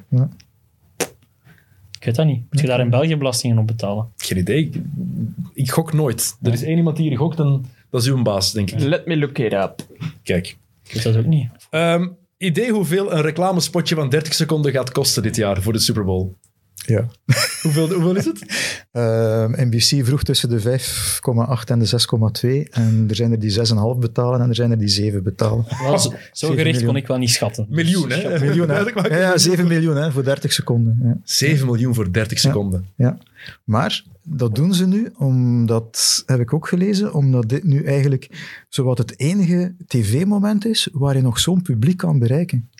Echt lineaire tv. Ja, Ja, ja, en dat is ze, zo. dat ze daarom zo bereid zijn om zoveel te betalen ik heb, ervoor. ik heb dat onlangs zien passeren van de 20 top live bekeken dingen. Afgelopen jaar in de USA was dat 18 keer, 18 keer een NFL-wedstrijd. Ik denk de college final van basket, denk ik dat ook in top 20 stond. En dan de bestorming van het Pentagon. Dus dat was de top 20 van live bekeken dingen. Maar daar komt geen advertentie hè, bij de bestorming van het Pentagon. Ik denk dat ze daar ook niet zijn uitgegaan eigenlijk. Bleef, voor dat ze daar... Time-out. blijft wel het jammer, ook al snap ik het, het is reclame en zo, maar dat je dat hier niet kan zien. Tenzij Game dat Pass je, wel, toch? dat je een Game Pass hebt, inderdaad. Niet Eh, iedereen heeft een Game Pass. Nee. is dat niet... Eh, het zou kunnen. Om- ik weet niet hoe het zit voor de Super Bowl, maar wij zenden ook de Engelse versie uit. Ja? Maar dat is dan van NFL Network. En dat is al altijd van NFL Network geweest met twee andere commentatoren. En nu weet ik niet of dat, eh of dat NFL Game Pass of die het Amerikaanse zullen uitzenden, of hun eigen productie. NBA League Pass, het gok niet de reclame. Hè. Nee. Wat geven ze daar dan? Er vanaf gewoon zo beelden van... Ja, meestal beelden van het stadion. Maar in de finals niet. In de finals krijg je wel filmpjes die op voorhand al gemaakt zijn. Ah, ja, ja. Game Pass Ja. normaal krijg je wel al reclames te zien. Zo, want Ook, niet- ook ik, niet altijd. zit ik drie dagen in mijn hoofd met... We are farmers. Ho, ho, ho, ho, ho, ho. In, in België moet je trouwens geen belastingen betalen. In Amerika hangt dat echt af van staat tot staat. Nu, voor de mensen die de, de commercials echt willen zien, USA Today, die organiseert dus die wedstrijd waar ook een trofee gegeven wordt, waar de mensen op kunnen stemmen. En eigenlijk al vanaf maandag kan je ze allemaal bekijken op de website van de USA Today. Oké, eh, wie gaat er volgend jaar, of dit jaar eigenlijk, maar in de aanloop van volgend seizoen, meer in commercials verschijnen? Baker Mayfield of Joe Burrow? Want die Baker Mayfield heeft toch te veel geld verdiend aan commercials voor wat hij op het veld heeft laten zien, hè? Als NFL-speler. Ja, maar Joe Burrow, als hij de Super Bowl wint, zal Joe Burrow zijn. Verliest hij hem dan misschien niet? Dat weet ik niet. Sowieso Joe Burrow. Ja, natuurlijk. Hij speelt nu al mee in Nerf-reclame, heb ik gezien.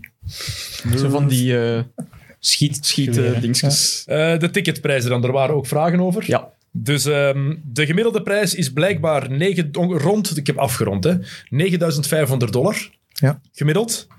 Eh, het goedkoopste ticket kost, ehm, wat is het hier? Via Vivid Seats 5260 dollar. Dus eigenlijk tweedehands als je dat dan koopt. Het duurste ticket is nu via SeatGeek op dit moment, kan nog veranderen, 104.422 dollar.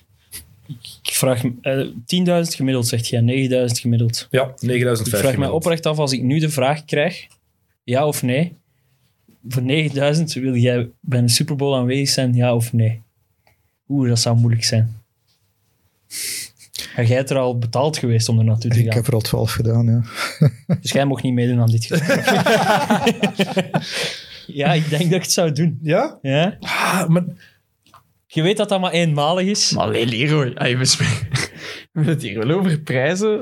Maar, Dat is maar dan maak je daar wel een reis van, hè? Dan, dan, dan... Ja, maar dan ben je zeker 15.000 man. kwijt. Hè? Ja, oké, fuck, nee, dat kan ik niet het zomaar is niet leggen. zomaar hè. 9000. Het is eh, vlucht, hotel, Ay, eten. de, de gemiddelde Ja, en- Amerikaan die kan dat toch niet betalen? Nee, dat is wel schandalig eigenlijk. En de Echte fans van die teams kunnen nooit De hotelkamerprijzen gaan ook eh, maal twee, maal drie. Hè? En het is LA.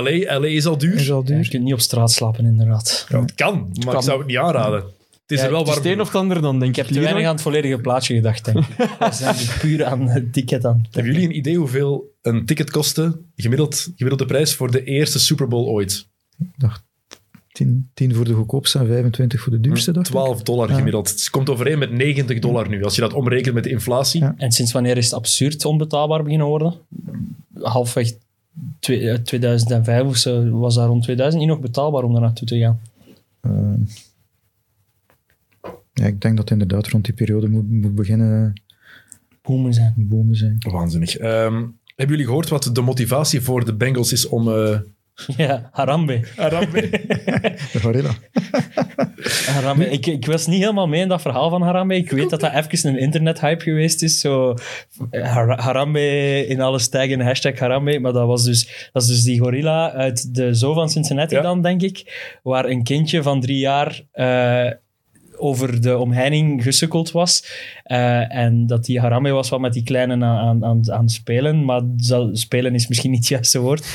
Maar de, voor een gorilla was dat spelen. ja, was dat spelen. Maar de opzichter eh, heeft daar dus de call gemaakt om Harambe eh, ja, te, te, te doden eigenlijk, uit veiligheid voor dat kind. En eh, vandaar spelen ze nu dus voor Harambe. Kijk. En de, Mooi. link, en de link is ook gelegd naar de naam, hè, die zo. Want op het moment dat de Cincinnati Bengals gesticht zijn in 1968, zijn ze genoemd naar een witte Bengaalse tijger die in diezelfde zoo eh, een van de dingen De was. cirkel De rond. cirkel is rond. Zelfs dierenliefhebbers komen hier aan. Ja, Afsluiten, Dennis. Heb je nog vragen? je had nog één vraag. Nog zoveel. Ja, we, hebben goed, we, hebben, we hebben wel veel goede vragen binnengekregen, Ja. dus bedankt daarvoor. Het is altijd tof dat jullie, eh, dat jullie ons vragen opsturen. Welke game is de beste? John Madden, eh voetbal Is dat Julian, 88? Julian de Bakker? Ja. ja. Ja, mee in de klas gezeten nog. Madden, Madden 2000 of Madden NFL 94? Ik ben pas Madden beginnen spelen vanaf 2005. Ja, ik ook. Dus ik moet ook het antwoord schuldig blijven. Ehm, ik, ik heb, toen Madden 25 jaar bestond, was er zo'n speciale uitgave. Dus ik heb die eerste spelletjes nog, ik heb 97, heb ik nog op de computer gespeeld. Dat staat Ehm, niet tussen de opties. Nee, nee, ik weet Wat was het. dat gooien? Is dat spatiebalk of? Ja. Ja, Ja, met de pijltjes, hè. Ja. heerlijk. Eh, dat was nog met Eddie George van de Titans op de, voor, eh, op de, op de cover. Dat is nog een doos zelfs waar dat spel in zit, met dan boekjes en zo. Heerlijk. Ja, ehm, goh, ik, ik weet het niet. Ze, ze worden, zeggen ze, ieder jaar beter, alhoewel dat niet altijd het geval is. ik Want ben, er ik ben nu veel 22 gerecycleerd. aan het spelen, Ja, maar ik vind, als ik wel, tijd heb. ik vind die wel goed eigenlijk. Ja. Dat is leuk om te Ik heb spelen toch gewoon. veel hè. tijd. Ik heb dus een dienstmededeling. Ik heb dienstmededeling van Ja, Sam eens. Ja. Dienstmededeling is dus dat de kruisvrouw weer is. Ja, we zijn bijna klaar. Dus je gaat bijna wel afronden. Ja. Anders moet je die gewoon naar huis sturen, dat is geen probleem. nee, we zijn effectief aan het afronden. Oké, We moeten nog even lachen met het feit dat Leroy zijn ploeg een nieuwe naam heeft. ja, dat snap Oké. ik. En Leroy, eh, je hebt ondertussen al bijna twee uur en een half niet meer gewerkt, hè? Dus je haalt er nog in. Maar hij gaat, hij gaat eh, een weddenschap, hij gaat Dus beginnen gokken en hij gaat 500.000 euro winnen. Dat is de conclusie van vandaag. Ja. En in Dat sport ondersteun ik. Blijkbaar kan je dat winnen met 20 dollar in te zetten. Kan je 500.000 dollar winnen. 570.000 zelfs. Ook van mij dan? Zo, dat is goed. Ehm, Maar doe het nu echt, want als het niet doet, dan hadden we kunnen winnen, dan gaan we ons Ja, maar op een score inzetten is tot moeilijk, man. Ja, ja, oké, maar ja. Oké, ik zal mijn best doen. Oké. die 20 kwijt dan het risico lopen dat we het hadden kunnen winnen. Yes, oké. ehm, is er nog een Super Bowl vraagje die we moeten behandelen voor we gaan afronden? Jullie favoriete Super Bowl? Ooit. Ooit. Oef. Ja, Patriots Falcons, by far voor Simpel. mij. Die ik gezien heb. Ja, ja, Ja, die. Voor mij ook. ja, ik sluit me daar ook bij aan. En waarom? Ja, dat is De zotste comeback aller tijden. 28-3. Ja. De- ja, mijn eerste was een teleurstelling voor mij. Mijn eerste was eh, Seahawks tegen Steelers. Matt Hasselbeck als quarterback bij de... 40 in Detroit. Ja, dat is geen, Nee. geen memorabele. Nee, wel mooi die touchdown pass van Antoine Rendel L naar, eh eh, naar Heinz Ward. Ja. ja, dat Inderdaad, is het maar hoogtepunt eigenlijk. Ruttlesburger zijn eerste. Ja. Sean Alexander, de MVP. Madden Curse, dan het jaar Nee. en gedaan. Oké, nog een eh, Super Bowl vraag? Ja, d- misschien nog Laatste? voor eh, Leroy. Hè? Dus eh, Leroy, wat vindt hij van de nieuwe naam van. Washington? De Commanders. Commanders. Eh, ik probeer al twee dagen een mening te vormen over die naam. Eh, ik ben niet per se tegen. Ik word er ook, totaal, ik word ook niet totaal hyped ervan. Ik vind het jammer dat het niet met een R begint. begint. Sorry, dat was even West-Vlaams. Een R. Een R begint. Eh, ik Waarom? had graag de term... Waarom? Omdat- een tackle met Waarom de had- jij graag een R gehad? Omdat de vorige naam was dus Redskins. Ah, Eh, oké. En zo de slogan is HTTR. Waar dat de R dus voor Redskins stond. Eh, dus ik had het wel fijn gevonden als er iets meer historie achter de naam zat. Eh, maar wat ik het belangrijkste vind, is de branding is wel oké, vind ik. Al zit ik hier met twee mannen in de studio die minder fan zijn. Eh, het, het thuisshirt is vet. Het uitshirt is heel lelijk, het witte shirt. En het zwarte shirt kan ik wel mee leven. Het is misschien een beetje een te generieke naam, maar aangezien het over Washington gaat, kan ik, zie ik wel de link tussen de stad en de Commanders. Ik vind het wel passen. Het is een lange naam, dat is ook kritiek dat ik al vaak gehoord heb. Maar voor mij is het eigenlijk simpel. eh, als ze volgend jaar de Super Bowl spelen, gaat er niemand nog over zagen dat het de Commanders zijn. ja, toch? Da- daar staat... Ja, ja, je klopt. weet, als, Ja. als een ploeg met zoveel geschiedenis van naam verandert, weet je, het gaat altijd raar zijn. En een, een, een naam krijgt pas geschiedenis, denk ik, door resultaten en spelers en momenten aan te kunnen linken.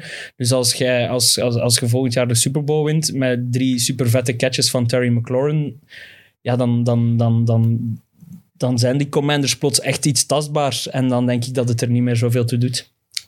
Gaat nooit gebeuren, hè. Ik steun u, Leroy. Woe. Ja, dat, is Commanders. Go Commanders. dat is nu juist het leuke aan de NFL. Twee jaar geleden, 2-14. Dit jaar de Super Bowl. Ik bedoel, dat is het juist, hè? Wie is jullie quarterback? Ja, dus daar moeten we we hebben al een naam, nu nog een quarterback. Trouwens, ooit begonnen in Boston, hè? Ja, de Braves, de Boston Kijk, Braves. de Washington Commanders, dat is een, zo'n ploegnaam die je gebruikt in zo'n, zo'n, zo'n Amerikaanse sportfilm, waar je van ziet van, ja, Je het is Ja. te fake. Met Denzel Washington. Ja, dat is dan nog... dat is dan nog Dat is dan de quarterback waarschijnlijk, niet een trainer. Dat is een Met Keanu. Reeves. Ja, de, weet replace- je, de Willie- replacements. Willie Beeman? Was het zeker? De Miami Eh, Sharks. De De Miami, Sharks. Sharks. Ja, dat is Any Given Sunday. Ja. Ja, Willie Beeman was het Ja, toch? hè? en Ja, ja, New ja. Mexico Aztecs. Maar Keanu, natuurlijk, Reeves in de replacements, hè? uh-huh. En dat gaat trouwens over die, dat scapseizoen. Ja, ik ben het er wel mee eens, maar dat ging met elke naam zo geweest zijn, denk ik. Ja, misschien wel. Ik vind dat het de branding te weinig karakter uitstraalt. Te weinig het is te, bland. Het is te... Ja.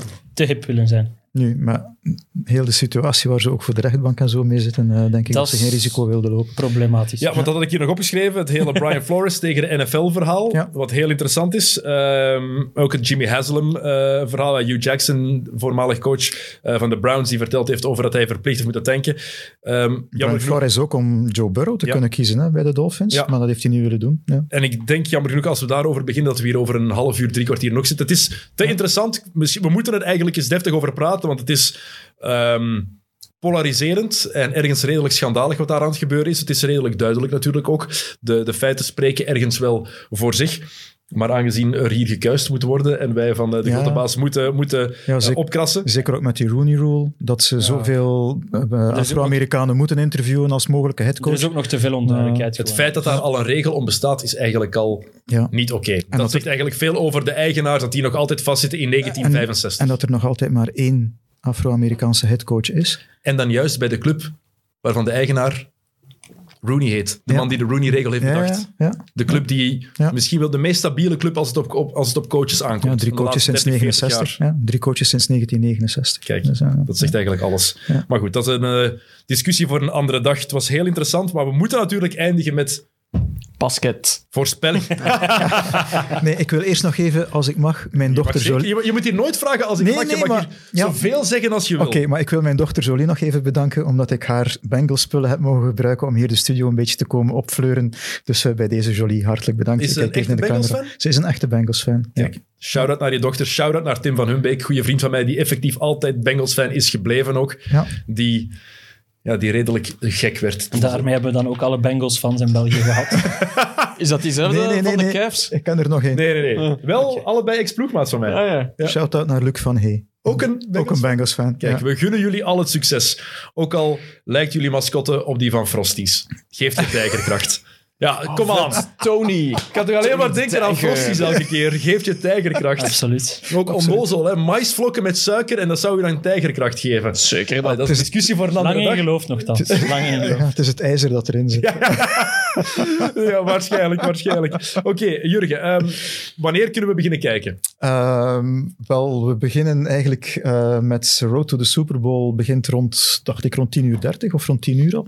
Eh, dan hebben we zelf ook nog een podcast bij Eleven die dan het laatste uurtje zal opvullen. En de uitzending zelf eh, begint vanaf middernacht. Met dan ook de voorstelling van de ploegen, het volkslied, America the Beautiful, eh, de Toinkos en dan eigenlijk de wedstrijd zelf, de kick-off, die wordt voorzien om 12 uur 30. Oké, dus jullie kunnen dan, als jullie willen, om 10 uur beginnen luisteren naar deze podcast en dan gewoon om 12 uur inschakelen. En dat is best oké. perfect Kijk. Echt, dat is eigenlijk de manier waarop dat je dit moet doen. eigenlijk. Ja. Ja. Hopelijk Maar is het probleem is dat we die tip pas geven nu. dus je hebt nu net twee uur, na- nu net twee uur geluisterd en je denkt van fuck, ik had dit de zondagavond moeten doen. Maar een snippet, zoveel- hè? Snippet, hè? Hey, wordt- so- social media en zo. Jij monteert dat, dat dat in het begin zit ongetwijfeld, ongetwijfeld. Oké, ehm, laatste wat we moeten doen is voorspellen wie er gaat winnen. Wie wint de Super Bowl en wie wordt Super Bowl MVP? Ja, jullie weten mijn antwoord al, hè? Ja, Bengals en Joe Burrow. Stan, ik mag niks anders Zeg zeggen. jij score ook. De score, 20 dollar. Ja? De score wordt... Goh, eens denken, hè. Wat gaat het worden? Ehm, pff, 27, 21 voor de Bengals. voor de Bengals. Ja. En eh, En Joe Burrow MVP. Ja. Ik ga voor 24-21 voor de Bengals, met een field goal in de laatste seconde van McPherson. Ehm, en Burrow ook MVP. Ik ga voor 31-24. Rams. Aaron Donald MVP. Oh, mooi. Oeh, mooi, mooi, mooi. Strip sack. Fumble touchdown.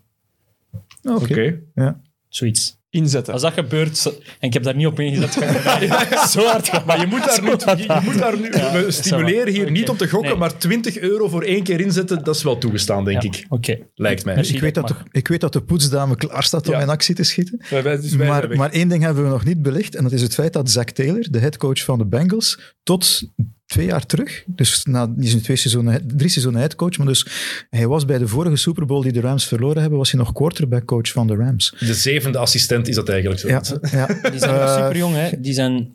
McVeigh is 32? Nee, nee, nee. nee, nee, die is al iets al- 36. ah, eh, 38, denk ik. Ik denk dat ze allebei rond de 36 zijn. Het zijn allebei heel... Ehm, ja, ik, ik het opzoeken, hè. Sean McVay is er... denk dat hij rond, die is al over de 40. 36, is 36? 86. Ja, Ja, en oké. Taylor?